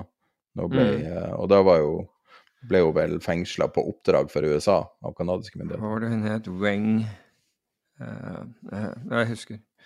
Jeg husker det. Men hun, hun, er jo Nå husker jeg ikke hva som er eh, situasjonen. Hun var jo under husarrest, men jeg vet ikke hva som er situasjonen med henne. Jeg tror hun ble sluppet fri fra den, men, men, det er jo den der vedvarende krigen, den, den, veldig kalde krigen som er mellom Kina og USA. Alt de gjør, er jo symbolsk. Ja. Ja, altså det, verden har jo blitt, jo ikke blitt enklere. Det har jo ikke det. det har, altså, og Ukraina har jo liksom tilspisset det noe så vanvittig. En liten avsporing som kan gjøre verden mer kompleks. Enda mer uvær. Nå har vi ja. hatt en veldig spesiell vinter i år pga. det eh, polare lavtrykket som har ligget over eh, USA og, og forskjøvet hele været i hele verden, egentlig. Og uh, nå, det året som vi er nå, er et El Niño-år. Så uh, jeg tenker på uh, avling og alt mulig. Det er mye som kan gå galt i år, hvis bare værmessig. Og så hvis du legger det på toppen av alt annet Ja. ja. Det, det ja, gjør ikke ting mer stabilt. Det har jo vært et vanvittig uvær nå i, i, helgen i regionen du kommer fra, så ja. med, med, ras og, og, og, og, tap av både dyr og menneskeliv. Ja. Men, men, jeg tenker på avlinger, Brasil og sånne steder som produserer mm. så mye mat. Ja. Eh, det, altså El Niño-år er jo at det, det er varmere det overflatevannet i Stillehavet, tror jeg. Og, og, vi har jo hatt flere La Niña-år, men inngangen i år så er det f.eks. februar var den varmeste i februaren i India siden 1901. Jeg bare tenker at liksom, Når vi snakker om de enorme kreftene, så må man på en måte ta været med, fordi at det påvirker veldig mye. Spesielt når det mm. kommer til matproduksjon. Ja, absolutt. Absolutt. Hva du ville gjort hvis du tror det kommer uvær sånn tradingmessig? Nei, du, igjen så må du jo Du må jo da gå ut på liksom Du må gjøre en, en ordentlig analyse av, av, av, dette her. Altså hvis, altså hvis du tenker deg at du, eh, du skal på en måte komme prøve å være så økonomisk robust, da, for å si det på den måten, fremfor å liksom si at du dette er, jeg vil, jeg vil, tjene penger på andres nød. Det høres liksom mye verre ut. Men hvis du skal være, liksom, komme deg økonomisk robust ut av det, så må du jo begynne å se på, på effekter, da. Det er jo, ikke sant, og, og, altså primære og sekundære effekter. Hva er det som vil skje? Altså Hvis du får, som du sier, da. Uh, ja, ta, ta Brasil, f.eks. Ekstrem tørke der. Hva betyr det? Hva vil det bety, ikke sant? og hvor er det den, hva er inflection pointet der? Hvor mange grader fra liksom normaltemperatur eh, skal til for at du får en eller annen, en eller annen, en eller annen krise?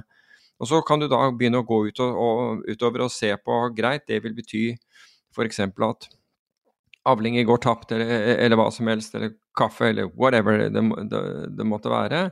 Og så kan du si ålreit, hvis det skjer, hva er, neste, hva er, neste, effekten da? Altså hvem er det det da går utover?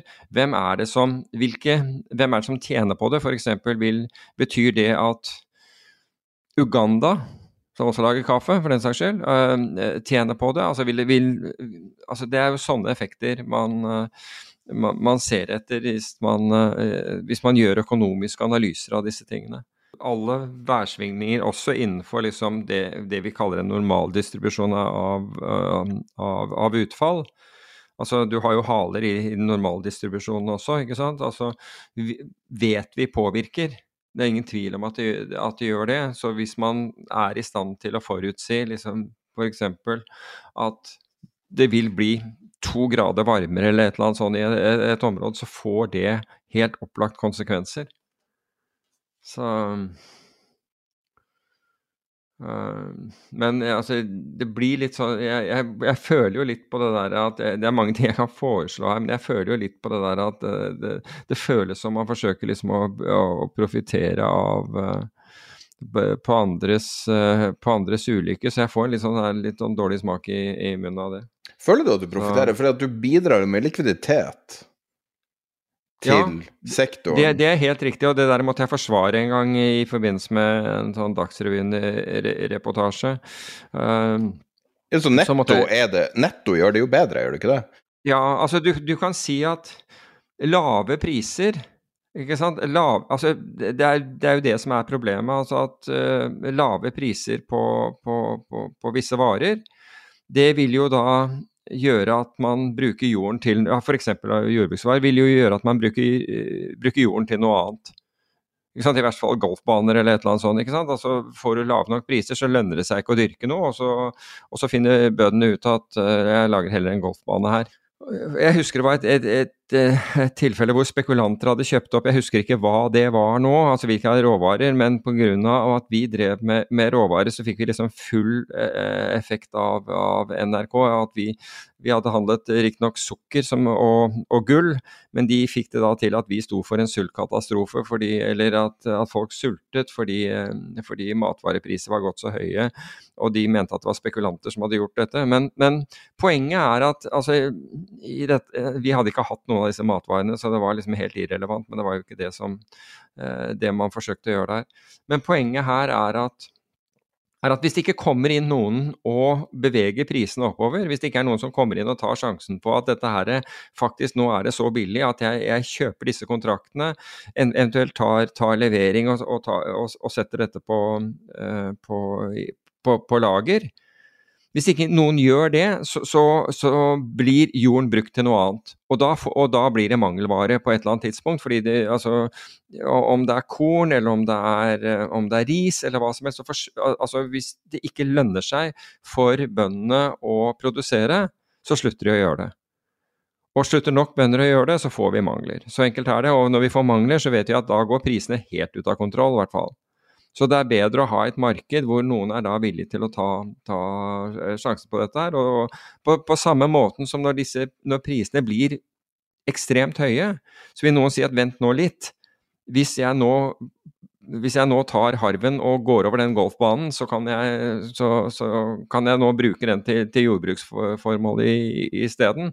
Nå er dette ytterpunkter, riktignok, men liksom, bare så man forstår tenkningen av det. altså markedskrefter er ganske greit å ha, altså, av og til. Slik at uh, og, og, forhåpentlig, og, og som uh, Tore Johnsen sa på, på, på debatten, så, så, nyter verden godt av tradere som er villige til å selge når ting er dyrt, og kjøpe når ting er billig. Og er jo, jeg kan jo være enig med han i, i det. Da skal vi ha et sponsa innslag sammen med Teco 2030. TK2030 er et artig selskap, og vi har snakka med Tore Enger, som er sjef der, og han kan fortelle mer om det. Dette er en del av vårt Med deres egne ord-konsept. Og ja, her får vi vite hva TK2030 er med deres egne ord. Vi kan kanskje starte med hva er det dere driver med? Ja, jeg, jeg, jeg tror sånn For enkelhetens skyld, slik at alle skal skjønne det, så kan vi si at vi lager Vi utvikler morgendagens motor, hvor basically hydrogen er drivstoffet. Jeg tror det er, eh, det er veldig mange som på en måte tror at uh, vi holder på veldig fælt med hydrogen. Og vi gjør på en måte det, men vi lager motoren. Det er vi som skal levere morgendagens motor, som er helt utslippsfri. Så de skipene som går opp og ned Oslofjorden, som allerede er på eh, i fjorden, de bruker deres motor og andre sin hydrogen? Ja, når tiden kommer. Og du kan si at uh, tiden er ikke der helt ennå. Men uh, vi går jo i produksjon, ordentlig produksjon neste år. Og vi forventer å ha de første nullutslippsskipene. Kan ankomme Norge med vår motor uh, i kanskje i slutten av 24, men vi tror nok 25 er mer realistisk. Kan du fortelle litt om det her segmentet? Fordi det er jo veldig mye regelbunn, og det har vært mye snakk om det. Og dere har jo et spesielt navn som indikerer kanskje litt et mål. Kan du, kan du snakke litt om rammen for selskapet? Det hele, det hele koker jo ned til på en måte kall det Parisavtalen. Uh, så må mye gjøres. I dag så står internasjonal shipping står for nesten 3 av greenhouse gas-utslipp. Og hvis den maritime industrien ikke gjør noe, mens den resterende delen av verden gjør sin jobb, så vil shipping lett komme til 10% kanskje 15% Og det er bare ikke akseptabelt i henhold til verken internasjonale regler, lokale utslippsregler. Slik at det er helt klart en, en decarbonisation som pågår nå i maritim industri, hvor man prøver masse forskjellige ting. Og en av de tingene som definitivt kommer til å ha livets rett, og er en av de store veiene til rom, er brenselceller eller morgendagens motor, fuel cells. Og det er det vi skal eh, produsere i Narvik ut fra vår fabrikk der. Og eksportere til hele verden. Det har vært mye snakk om, om hydrogen rundt biler.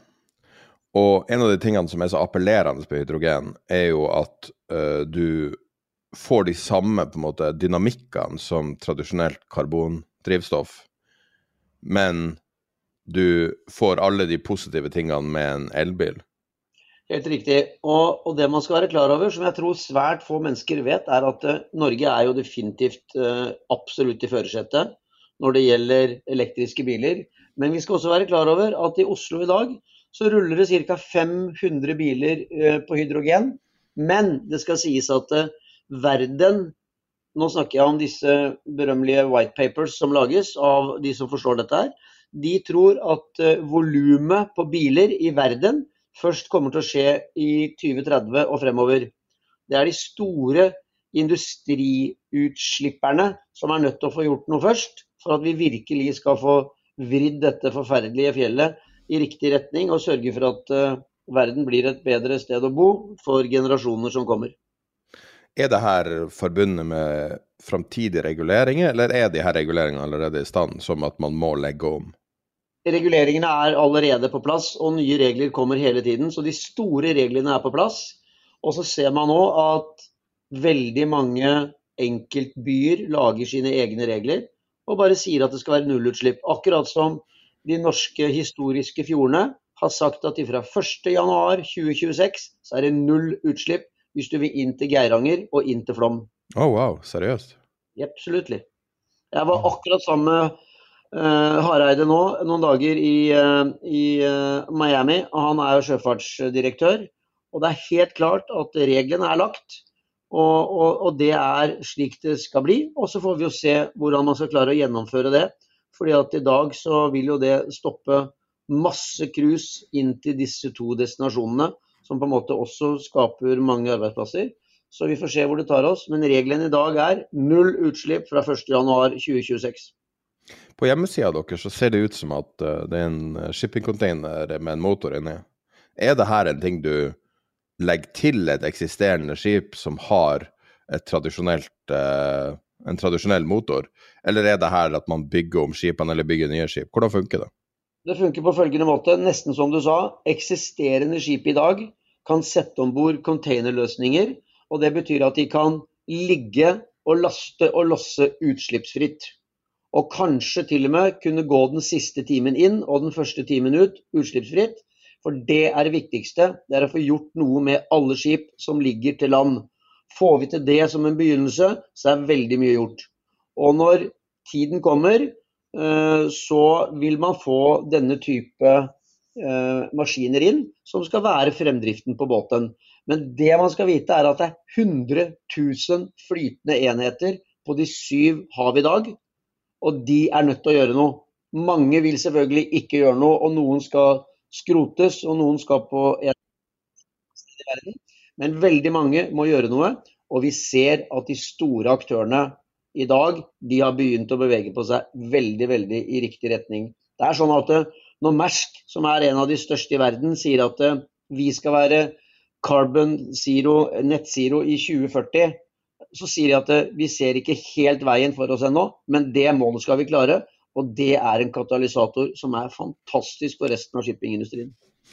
Eh, en ting med shipping, det har jo vært mye snakk om uh, forskjellige avgassinger, og på enkelte uh, jeg, tror, jeg lurer på om det er NOx, så er det en, en mye høyere prosent enn den du snakka om, um, som man kan redusere. Så, så, det er en veldig stor del av verdens forurensning kommer fra skip. Men er, er det her en reell erstatter av f.eks. råolje på lange fart over Atlanteren og sånne ting? Ja, men da er du litt lenger frem i tid. fordi at du kan si at uh, vi tror at de første tingene man skal se, det er det vi kaller for nærshipping. Som f.eks. er et basseng som heter uh, Rotterdam, Oslo, UK. Det er ett et triangel i verden. Og sånne triangler har du liksom hundrevis av, om ikke tusenvis av, over hele kloden. De kommer først. Ferger kommer først. Og så kommer større skip for å kunne være utslippsfrie når de ligger til havn.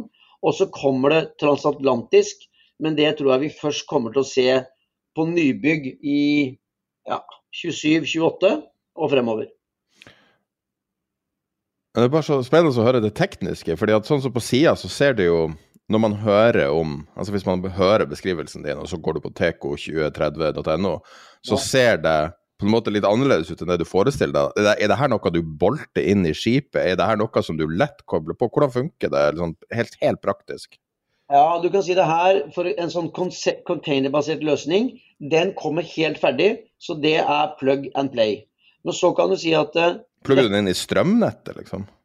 Altså... Ja, altså, altså du må jo ha tilgang på maskineri om bord for å få strøm. Du må ha tilgang på vann, og så setter du i gang og, og gjør det du skal. Men du må selvfølgelig også ha med deg hydrogentanker.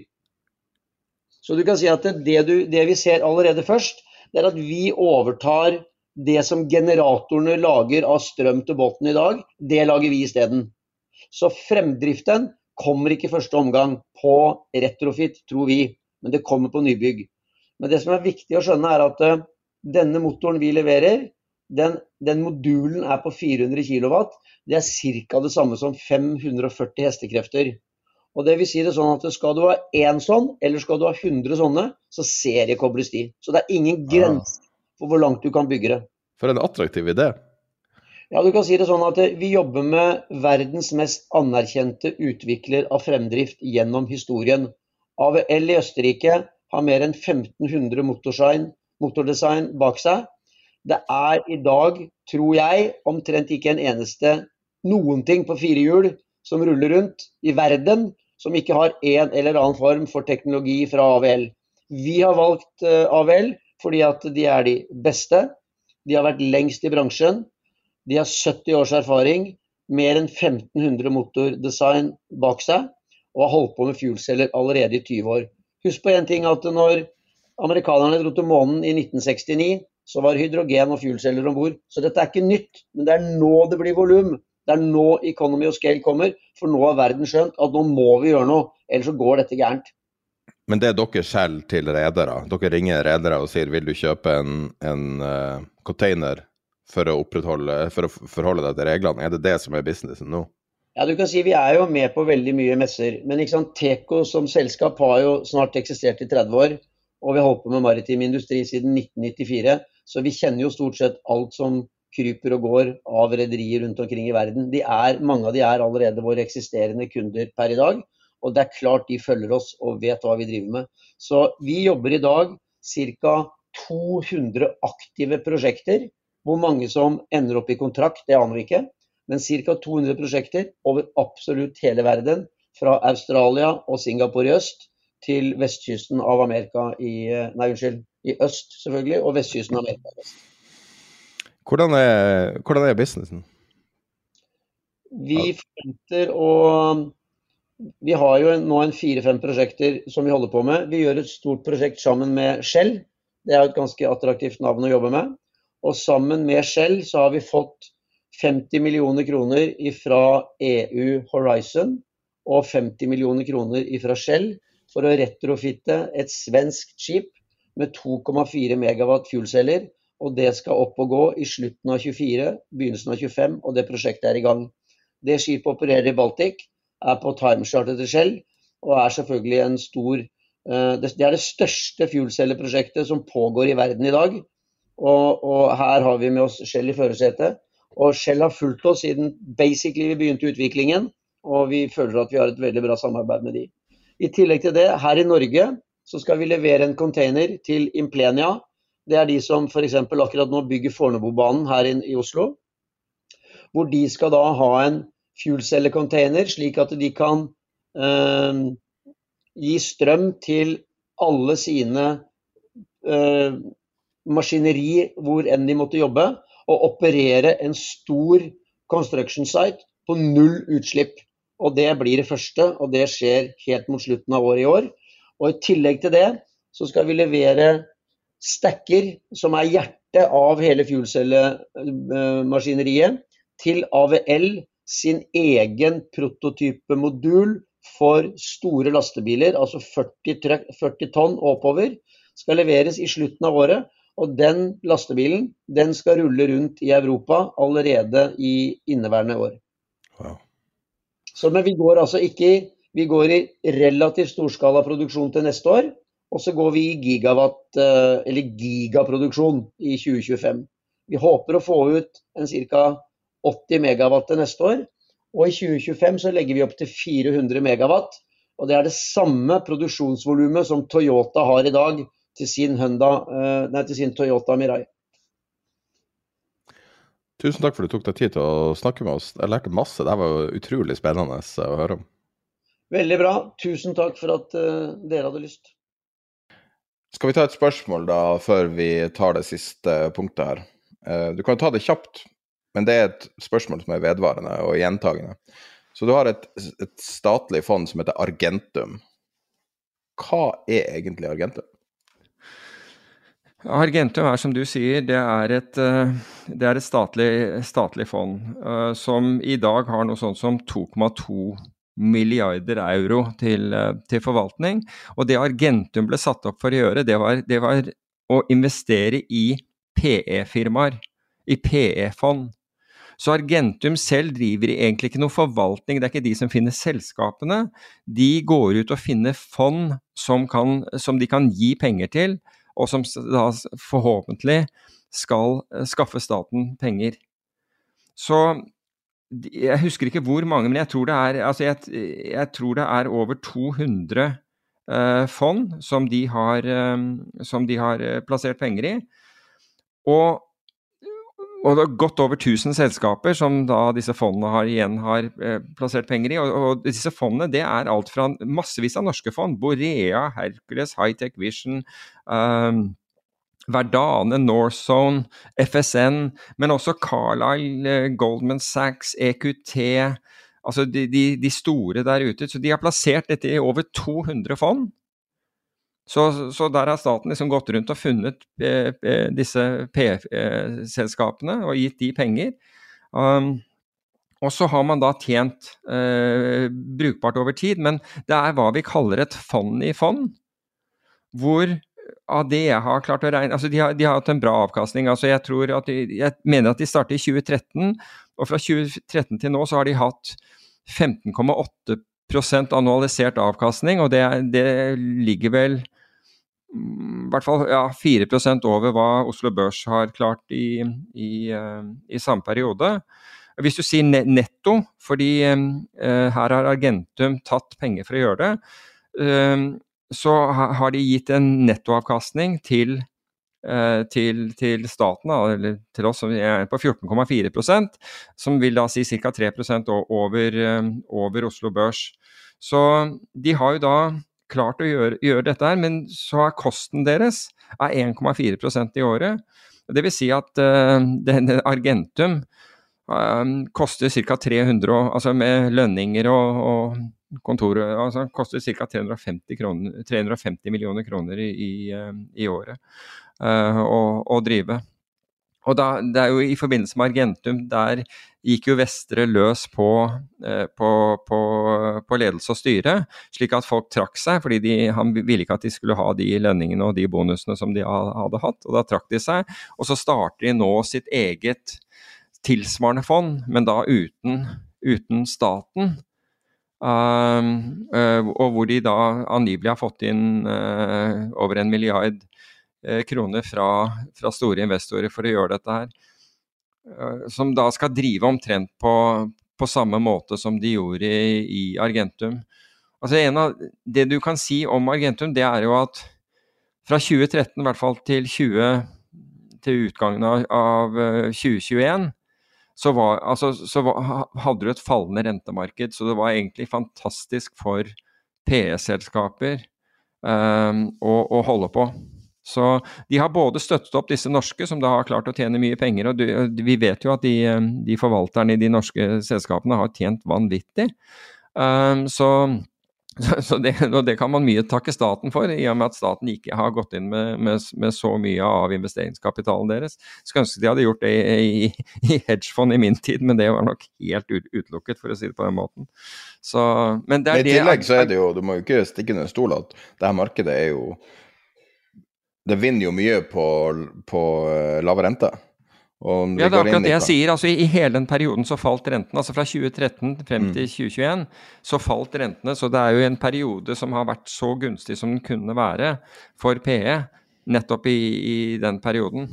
Men de har jo skapt, eh, de har skapt uh, verdier. altså jeg må jo si at 350 millioner kroner i året å, å drive dette på, det, men det, det, det, har nok ikke kostet det underveis, for de har sikkert fått mer penger etter hvert som dette her har, har, har utviklet seg fra, fra, staten.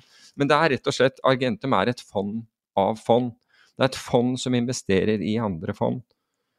Men det har vært en suksess for, for eh, staten, det, det, må man si. Og, og noe helt sikkert altså skyldes fall i renter, og det andre er at de må jo være, ha vært dyktige til å, til å plukke fondene sine. Så det er hva Argentum er tenkte jeg vi kanskje kan runde av episoden med en klage vi fikk. Vi eh, hadde en lytter som Jeg kan egentlig bare skrive, si hva han sa. Tid er penger. Altså, det her er han som sier. Snakker om bankkrise og total uansvarlig styring på alle nivåer i de viktigste økonomiske systemene i verden. Konkluderer med at det er stor usikkerhet om sentralbanken i det hele tatt har sjanse til å rette opp, og spør hva da? Også tid er penger. BTC nei pga. Dogecoin. Så implisitt at man ikke tar krypto på alvor.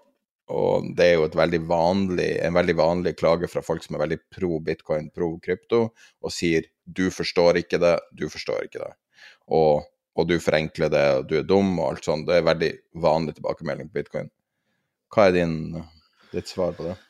Altså, jeg syns jo at vi har, vi har jeg, At vi kan ha to forskjellige syn på ting. Altså du og jeg, for det, i dette tilfellet det, det, ser jeg som en, en, styrke, nettopp at man får uh, motargumenter. Men å hevde at liksom, vi har vært negative til bitcoin altså Da jeg liksom først kjøpte bitcoin det var, det, altså det, det var absolutt ikke i, i, i, 2008, det var i 2019, da, da det falt kraftig. Og hvor den generelle oppfatningen var at dette skulle gå, gå, til null. Og jeg fikk ikke noe Det var ikke sånn at folk sto og støttet og sa å, fantastisk, vi tror dette her, at du gjør det, vi tror, eh, vi tror du kommer til å ha rett. Tvert imot, folk trodde at, at det skulle gå til, til, helvete. Så vi har ikke sammenlignet bitcoin og dogecoin. Tvert imot så har vi, har vi påpekt uh, ulikhetene mellom bitcoin og, og dogecoin. Hvis valutaer, altså kryptovalutaer eller token som er ment som spøker og som har ingen verdi overhodet, er ikke noe som som, som, jeg føler, at, uh, føler for, for, for, å promotere. Nei, snarere tvert imot, bare, bare, så det er sagt. Og det spiller ingen rolle hvor høyt eller lavt Dogecoin og Shiba Inu og alt det der andre uh, greiene går. Og jeg har ikke noe mot eller uh, er misunnelig på hvis folk klarer å, å tjene penger på det. Må gjerne gjøre det. det har, altså, du kan tjene penger på ARK også, det betyr ikke at liksom at jeg, jeg, at jeg, er enig i det. Kan være at det er bra, kan være at det ikke er bra. Men når det gjelder bitcoin, hvis vi først skal gå litt kritisk til vei på, på, bitcoin, som jeg er positiv til, jeg er mer positiv til, til blockchain, altså blokkjeden, enn jeg er til, til, til, selve bitcoin. Men hvis vi skal, hvis vi skal se nøye på, på, på bitcoin, så hva, hva, har, hva har bitcoin oppnådd? Jo, det har vært gjort noen transaksjoner med bitcoin, men det er ikke mange. altså noen vil noen arrestere seg. Det har vært massevis. Jeg har gjort dette, jeg har gjort dette. Ja, men i virkeligheten, i det store, så er det få steder hvor du, hvor du kan gjøre bitcoin-transaksjoner. Du får ikke kjøpt et, et, hus Du kan ikke betale huset ditt i Norge med bitcoin. Um, Får, det er ikke mange steder som tar imot bitcoin. Så foreløpig så har bitcoin ikke klart å bevise Eh, sin, eh, sin fortreffelighet når det gjelder det å handle. Det er fantastisk at det har steget i år, men å si at bitcoin er den andre delen som den skulle være, a safe store of value, det kan man heller ikke hevde, fordi volatiliteten er altfor høy. Det svinger for mye til at de aller fleste vil tørre å sette pengene sine i bitcoin jeg, jeg registrerer jo også at liksom, når bitcoin stiger, så er det masse trøkk, og da kommer folk ut av the woodwork og forteller hvor fantastisk det er. Med en gang det faller tilbake igjen, så hører du ingenting. Da, ingen, da, da, da kommer det ikke noe, noe fra, fra noen. Så jeg syns at bitcoin er et alternativ til det bankvesenet vi har nå, for jeg syns, ikke bankvesenet uh, fungerer optimalt på noen som helst måte. Og den pengetrykkingen som, uh, som, som gjøres, er, er, og som må gjøres, er et godt bevis på det. Men bitcoin med sine 21 millioner uh, coins er vidt forskjellig fra en eller annen token som hvem som helst kan lage så mye som, så, som, så, som de vil av. Så man må liksom ikke generalisere her. Uh, og jeg syns jo at Jeg tror at den klagen var på nettopp på at du generaliserte. Men, ja, og det, og, ja. og det, gjør jeg ikke det, og det gjør jeg ikke i det hele tatt. Men vet du hva, altså, Kan jeg få gi deg et kompliment, da? Det høres jo ut som uh, podkastversjonen av onani, men uh, Det som du har greid å gjøre, er at du er har klart å være en person som er uttalt interessert i kryptovaluta, uttalt interessert i, i bitcoin, og du samtidig har en sånn nøytralt syn på det her, at du er i stand til å, å endre mening ettersom ting skjer, og du, du, du, du er ikke, Det her er ikke noe religion for deg. Og, og dermed, når du sier f.eks. at du har kjøpt bitcoin, som du jo sa i podkasten, på 4000, og så når du solgte nesten helt på toppen, eller solgte halvparten helt på toppen, eller hva det var, eh, 10-15-20 ganger over det det inngangsbeløpet, så, eh, så var folk veldig glad for liksom at, at, du snakka om det. Men det sekundet du stiller et kritisk spørsmål, så stepper kritikken inn som om det her var eh, å kritisere eh, kristendom i kirka, som, som, i praksis ikke er lov. Og, eh, og, det er nettopp det at det går an å tilpasse det her, nei, tilnærme seg det her som en finansmann, og det er det du har gjort. Og jeg syns det står det respekt av at du at du ikke har tatt steget ut i å bli en sånn, uh, sånn nikkedukke. Det er flere jeg har fulgt i mange, mange år, spesielt i venturekapitalbransjen, som jeg bare har avskrevet i hodet. Fordi at de heiv seg på NFT-kjøret, f.eks., og bare var så interessert i å berike seg kjapt på det. Men pantsatte hele sin troverdighet på å drive og selge bare bullshit, som alle vet var bullshit, fordi at det var mulig å tjene penger på det. Og jeg er imponert over at du har klart å navigere det her uten å gå i de fellene.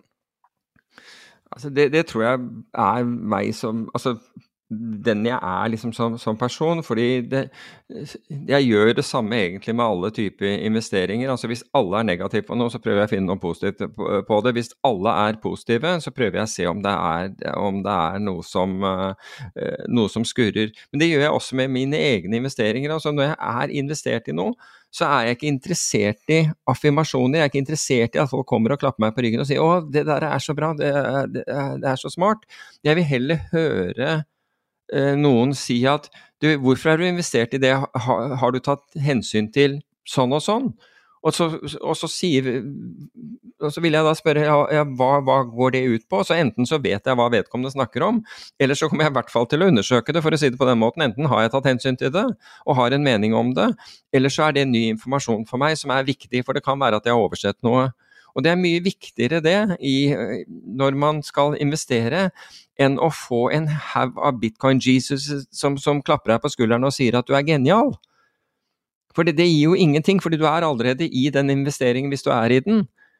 Og, og det er ikke sånn heller at hvis jeg, hvis jeg selger noe, og, og, det, og, det, fortsetter til himmels, ok, da var det noe jeg, noe jeg ikke skjønte, noe jeg overså der. eller det kan være at, at, jeg mener at det er på tide å gå shorter. Det, det er ikke det jeg, jeg sier om, om, krypto, bare så, så, så det er sagt. Men, men jeg har ikke disse jeg har ikke det derre behovet for affirmasjoner hele tiden i forhold til uh, det jeg gjør. Jeg vil heller på en måte ha en, en diskusjon om, om er dette er riktig, har jeg forstått det, vet jeg nok? Svaret på det er stort sett alltid nei, det gjør jeg ikke.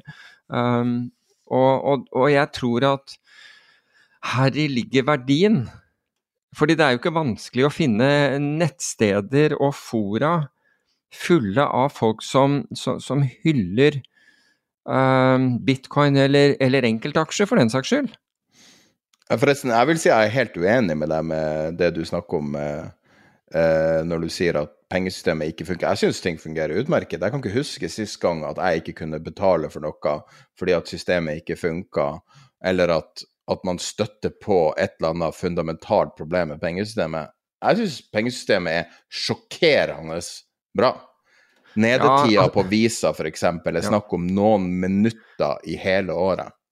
Absolutt. Altså, hvis du ser på det mikroplanet, så er jeg helt enig. Jeg, ser, jeg så dette ut fra et makroståsted hvor vi er nødt til å pumpe penger inn for for å redde et banksystem osv. Det var det jeg, jeg, tenkte på. Pengesystemet for, for, for, betalinger i Norge bedre enn en noe annet sted. ikke sant? Du holder med å ha mobiltelefonen din, og du kan nesten betale hvor som helst, hva som helst. Altså tingen er at Vil du eie gull, kjøp gull. Gull har gitt bedre avkastning enn aksjer siden man gikk av gullstandarden.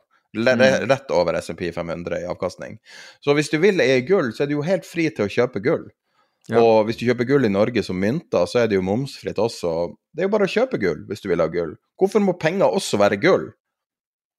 Altså, Hvis du vil ha bitcoin, kjøp bitcoin. Hvorfor må norske kroner også være bitcoin? Det er den dobbeltrollen jeg ikke skjønner. Ja, ja, nei, det, det er jeg helt enig med deg. Det trenger, trenger ikke å være. Men poenget mitt ved, ved denne her var, var at er at jeg, jeg syns at når, Det er mange ting vi kan kritiseres for, og, og meninger også, men, men, når man Når slutningen er liksom at vi er negative til, til, bitcoin. Det har ikke vært det i det hele tatt. Altså, vi, har, vi, har, debattert det frem og tilbake. Vi har debattert ting av og til når, når altså uansett når Hvis det går for fort eller hva som helst, at, at det er liksom galskap som, som, av og til driver. Og hvis, hvis ingen har ingen er med på, eller hvis du opponerer mot at det var galskap som dro eh, det, eh, krypto, inkludert tokens og hele den der greia til, til, til himmels, da eh, bitcoin var, hvor var det, Jeg husker ikke hvor høyt vi var, var vi 60 000 eller var vi 70 000? Nesten 70 000, men, men, på det tidspunktet så, så gikk liksom Så sprøyta det ut, og vi fikk forslag om å være med på å lage token som skulle gå opp 20% i måneden. Og, altså, folk, altså hvis, hvis man ikke innser at, at galskapen herjet da, ja, da er det ikke håp for deg, rett og slett. For da, du, da, da, du, da forstår du ikke markeder i, i det hele tatt akkurat som GameStop og, og, og dette her andre, det, liksom, det drives av en, en, form for midlertidig eh, galskap, og så blir det korrigert. Det er interessant så, det der når du sier eh, GameStop, for ofte er det sånne ting som man kommer inn i noe man ikke kjenner. Vi har jo mange lyttere som begynte å høre på i januar 2021. Eh, kanskje 2-3-4 av lytterne kommer fra den perioden. Eh, for da plutselig var det masse unge folk som var plutselig interessert i finans pga. bitcoin. Nei, pga. Uh, GameStop, og så kommer de inn og så oppsøker de all mulig informasjon, oppdager tid er penger, og skal fortelle oss hvorfor uh, hele markedet er fucked up pga. GameStop. Problemet er at selv om du føler noe, det var jo det vi kom fram til da, å føle noe er ikke å vite noe.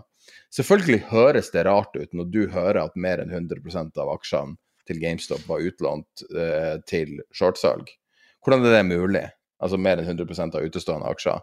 Og så mm i stedet for å prøve å lære deg den nye bransjen, sier du det her er jo åpenbart svindel. Hvordan kan det være at uh, det ikke plutselig er mulig å, kjøpe GameStop uh, uh, via Robinhood? Det her må jo være en svindel, og herregud.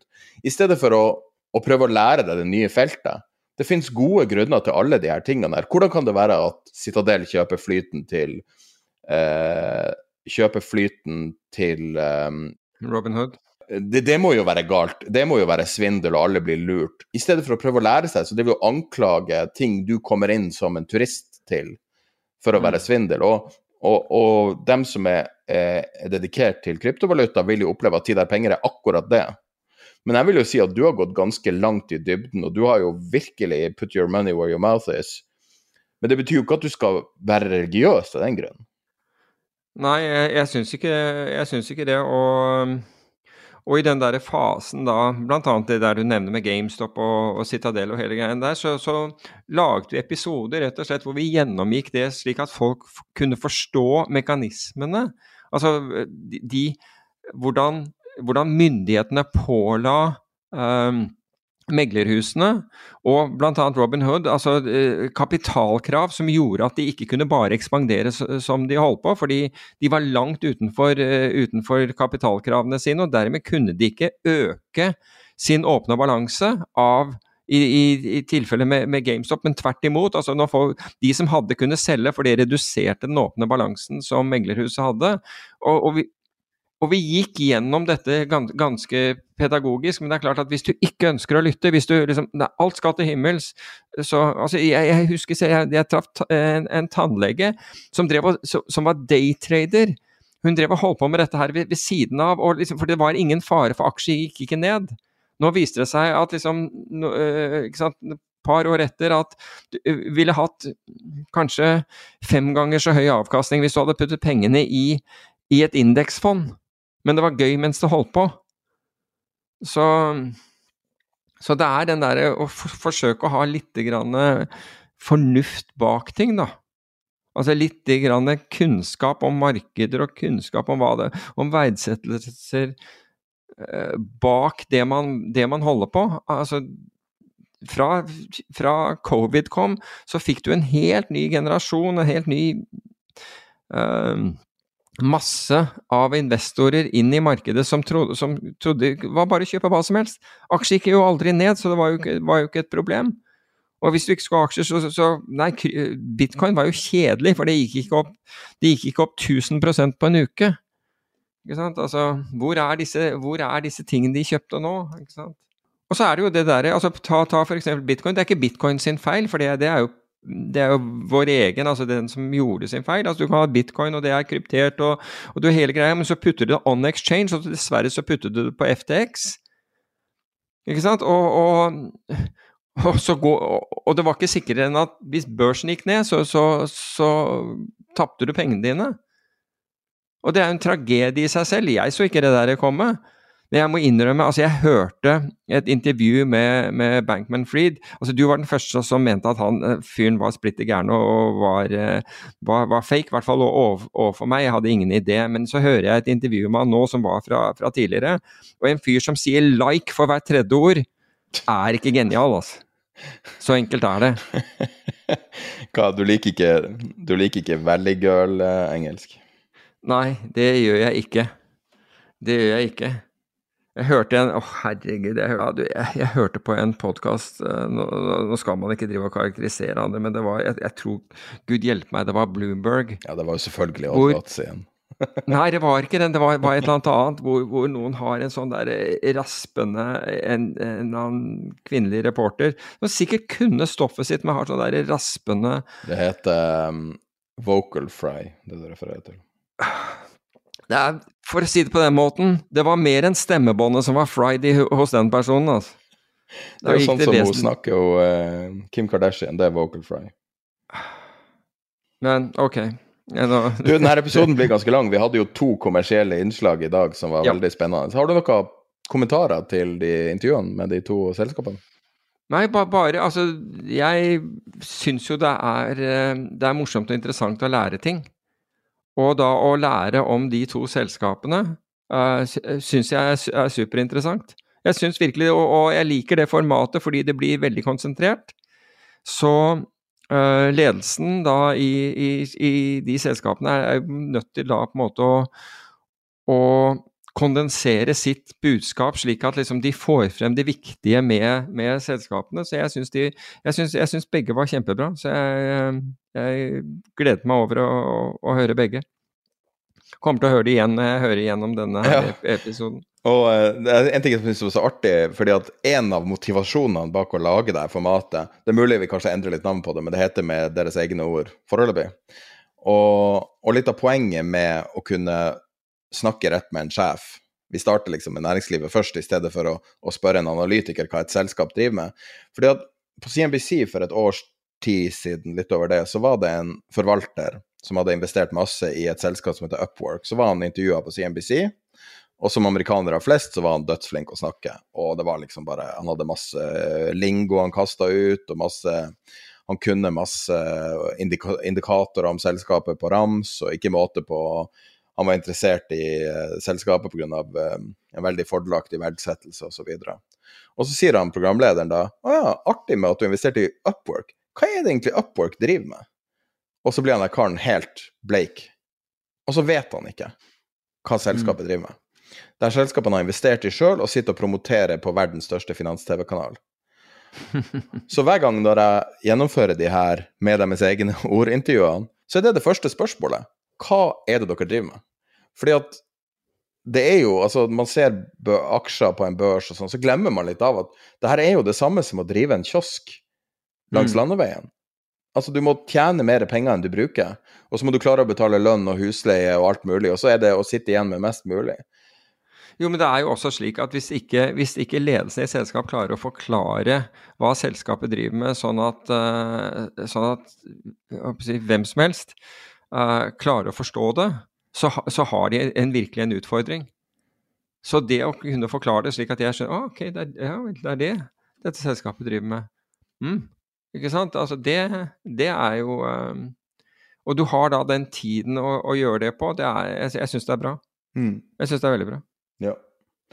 Uh, men da tror jeg vi runder av denne påskeepisoden. Nå ble det jo litt lengre enn en vanlig, men eh, sånn er det når vi har mye på hjertet. Du har mye på hjertet, strengt tatt. Hva du skal gjøre i påsken, da? Har du bestemt deg? Ja, det, det, det, det blir skigåing. Det, det kommer til å dra på fjellet. Du drar på fjellet. Hvordan fjell? Ble, hva sier du? Hvordan fjell, så folk kan stalke deg? jeg tror jeg skal droppe, droppe den, den må bare legge koordinatene inn i Men ja, beskrivelsen. men eh, fant, fant noe ledig i dag morges. Å, det er ledige ting? Ja, Wow. det var det. Så, så det blir bra. Men for øvrig, jeg var i Nordmarka på, på, på lørdag morgen, gikk ut eh, tidlig. Og det var knallføre. Det var vanvittig fint. Og det, nå snakker jeg Nordmarka syd, for jeg gikk ut fra, fra Frognerseteren, og det var virkelig fint, altså. Så eh, Jeg var litt overraska over at det var så lite snø når jeg kjørte over Dovre, blant annet. ja, det var plenty snø i Nordmarka. Det... Så Nei, men, det var utrolig fint nå i helga med sola. Ja, det var, det var helt nydelig. Det eneste er at det, det var Jeg ja, gikk vel ut sånn i halv åtte-tiden øh, på, på morgenen. Og da var det ganske greit, men når du begynte å komme tilbake igjen, så hadde jo solen begynt å ta enkelte steder, så plutselig Altså, du merket veldig sånn gli- gliforskjell, da. Om du var i, i eh, områder som, eh, hvor, hvor solen hadde tatt eller ikke. Men det var, var utrolig bra, og da var det altså på Kikkut eh, var, klokka var, var ca. halv ni eller noe sånt og på, på morgenen. Var det fullt av ski utenfor? altså Jeg vet ikke om det var folk som hadde overnattet eller, eller hva. Men uh, det, var my, det, var, det var i hvert fall mye, mye ski der. Ellers så møtte ikke folk noe særlig folk i løypa før ved Hvor var det, da? Ved Kobberhaug? Nei, ikke der engang. Altså ved ved blankvann på vei tilbake, tror jeg. Kan det være folk som var ferdig med afterski igjen litt seint, som du så? jeg, tror, jeg tror ikke Jeg vet ikke hvordan det er. Jeg, jeg pleier ikke å stoppe, men, Vet men hva, jeg jeg er så lite norsk. Jeg har aldri vært på afterski. Og jeg interesserer meg så uhorvelig lite for afterski. Jeg vet nesten Nei, hva det er engang. afterski kan være bra, men, men jeg tror ikke du finner den store afterskien på kikkut, for å si det på den måten. Jeg er så lite norsk. Jeg liker ingenting som nordmenn liker. Jeg vet ikke hvor, jeg er fra. Jeg er liksom ingen Nei, det er vel ikke så mye afterski rundt liksom, altså, på langrennsdestinasjonene, for å si det på den måten. Det, er vel, det tilhører mer av alpine. Ja. Men, uh, Det er sikkert veldig artig. men, men Norge kan ha bra afterski, altså. Det, det, Ja, det tror jeg. Kan, ja, ja. Supert, men da får du ha god påske, og så får du bare legge ut noen eh, bilder på, på Twitter fra, fra afterski. ja, det blir neppe det. Så er vi tilbake neste mandag um, også.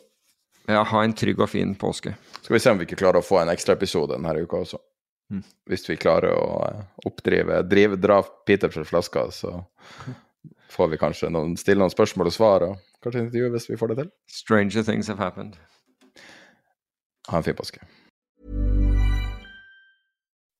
When you make decisions for your company, you look for the no-brainers. If you have a lot of mailing to do, stamps.com is the ultimate no-brainer. Use the stamps.com mobile app to mail everything you need to keep your business running with up to 89% off USPS and UPS. Make the same no-brainer decision as over 1 million other businesses with stamps.com. Use code PROGRAM for a special offer. That's stamps.com, code PROGRAM.